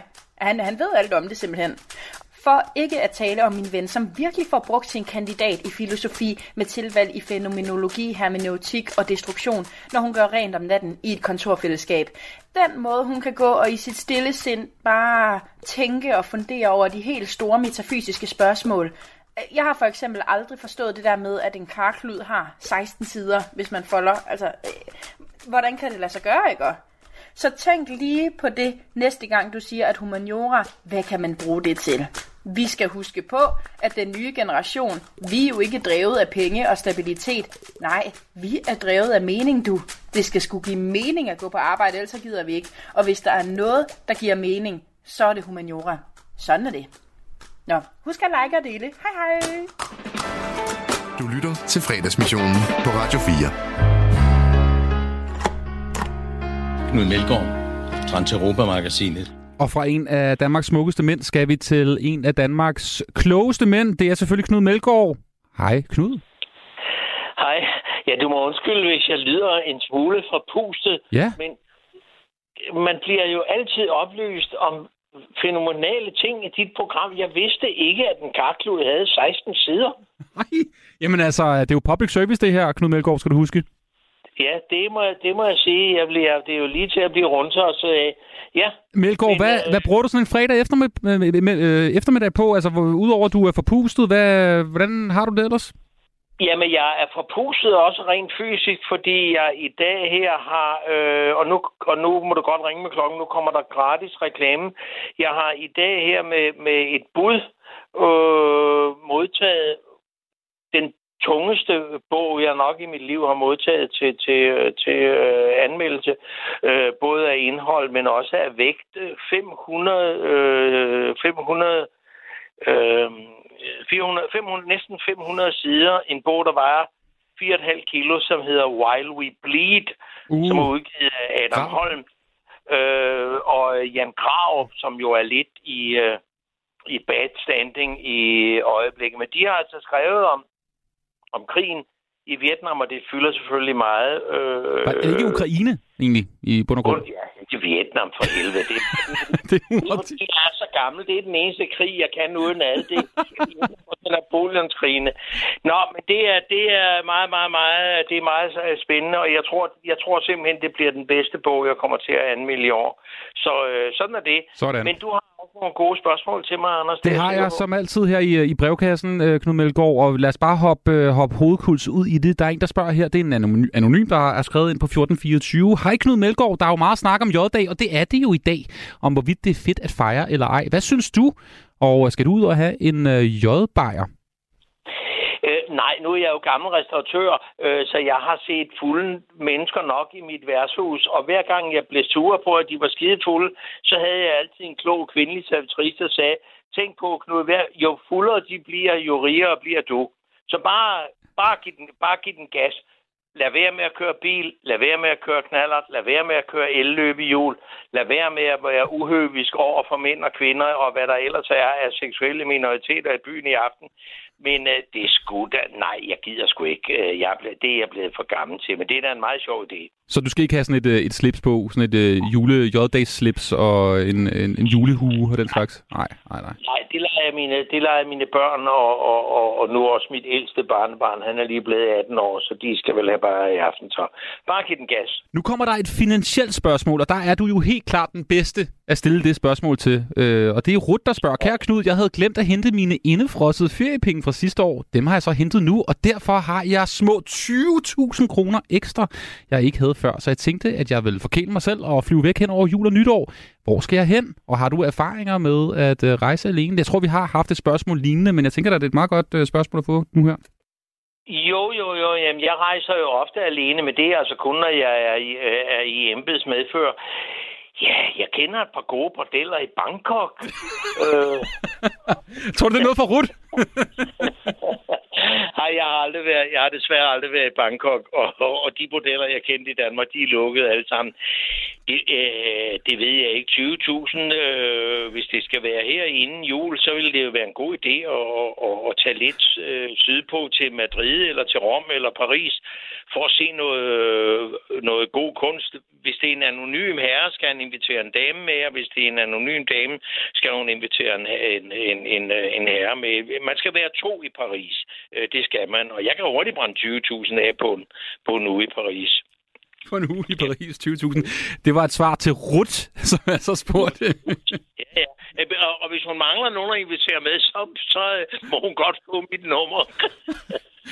Jeg sender det til, jeg sender det til Rut, og du er klar på, øh, på hvad som helst. Øh, Knud, øh, vi skal til at sige farvel. Hvad, hvad står weekenden på, udover at du skal læse en, en stor mobbedreng om, øh, om krigens redsler i Ukraine? Hvad står den ellers på? Det, så står den gudskelov også på noget rigtig, rigtig hyggeligt, nemlig i morgen skal jeg sammen med min, med min øh, unge øh, redaktør, øh, der skal vi, øh, øh, Katarina, vi skal til bogmessen naturligvis. Jeg regner da med at se dig derude. Ja, lad os nu se. Lad os nu se, om jeg er, er der. Vi skal til bogmessen. Det, det er, øh, for det første er det hyggeligt, men det er også sådan lidt af et pligtbesøg, øh, at jeg gør som, øh, som øh, anmelder. Så, øh, så det, det kommer der til at gå noget tid med, men ellers bliver det noget med at sidde ved det store spisebord og bladre i, og bladre i den store bog. Og der er vist også nogle, nogle gratis smagsprøver rundt omkring, tror jeg, og noget at drikke. Så vidt jeg er orienteret i hvert fald til bogmesse. Det, det, det, det er sgu ikke, men nu er det der med de spirituøse indtag, det er jo ikke lige det, der, sådan, det, der interesserer mig mest. Nej, nej. Så fyrer en ordentlig løgnhistorie af her, inden vi går på weekend. Og tak for invitationen i år til din lille julefrost. ja, den tager, vi, den tager vi op her, men det er i hvert fald senere i december. Knud Melgaard, ha' en glædelig weekend. Ja, og i lige måde til dig og lytterne. Knud Melgaard, Transeuropa-magasinet.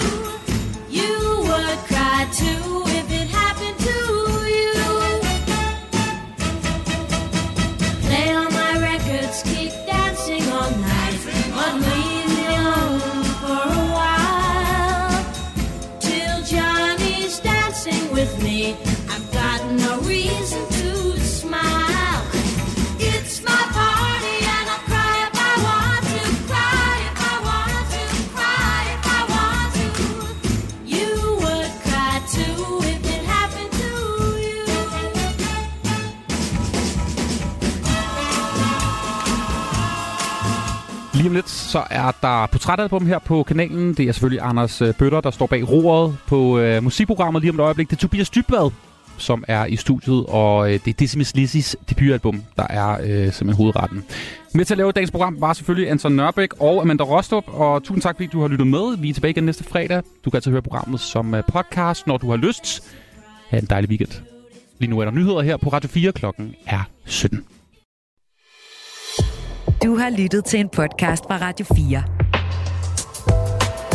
Find flere episoder i vores app, eller der, hvor du lytter til podcast. Radio 4. Ikke så forudsigeligt.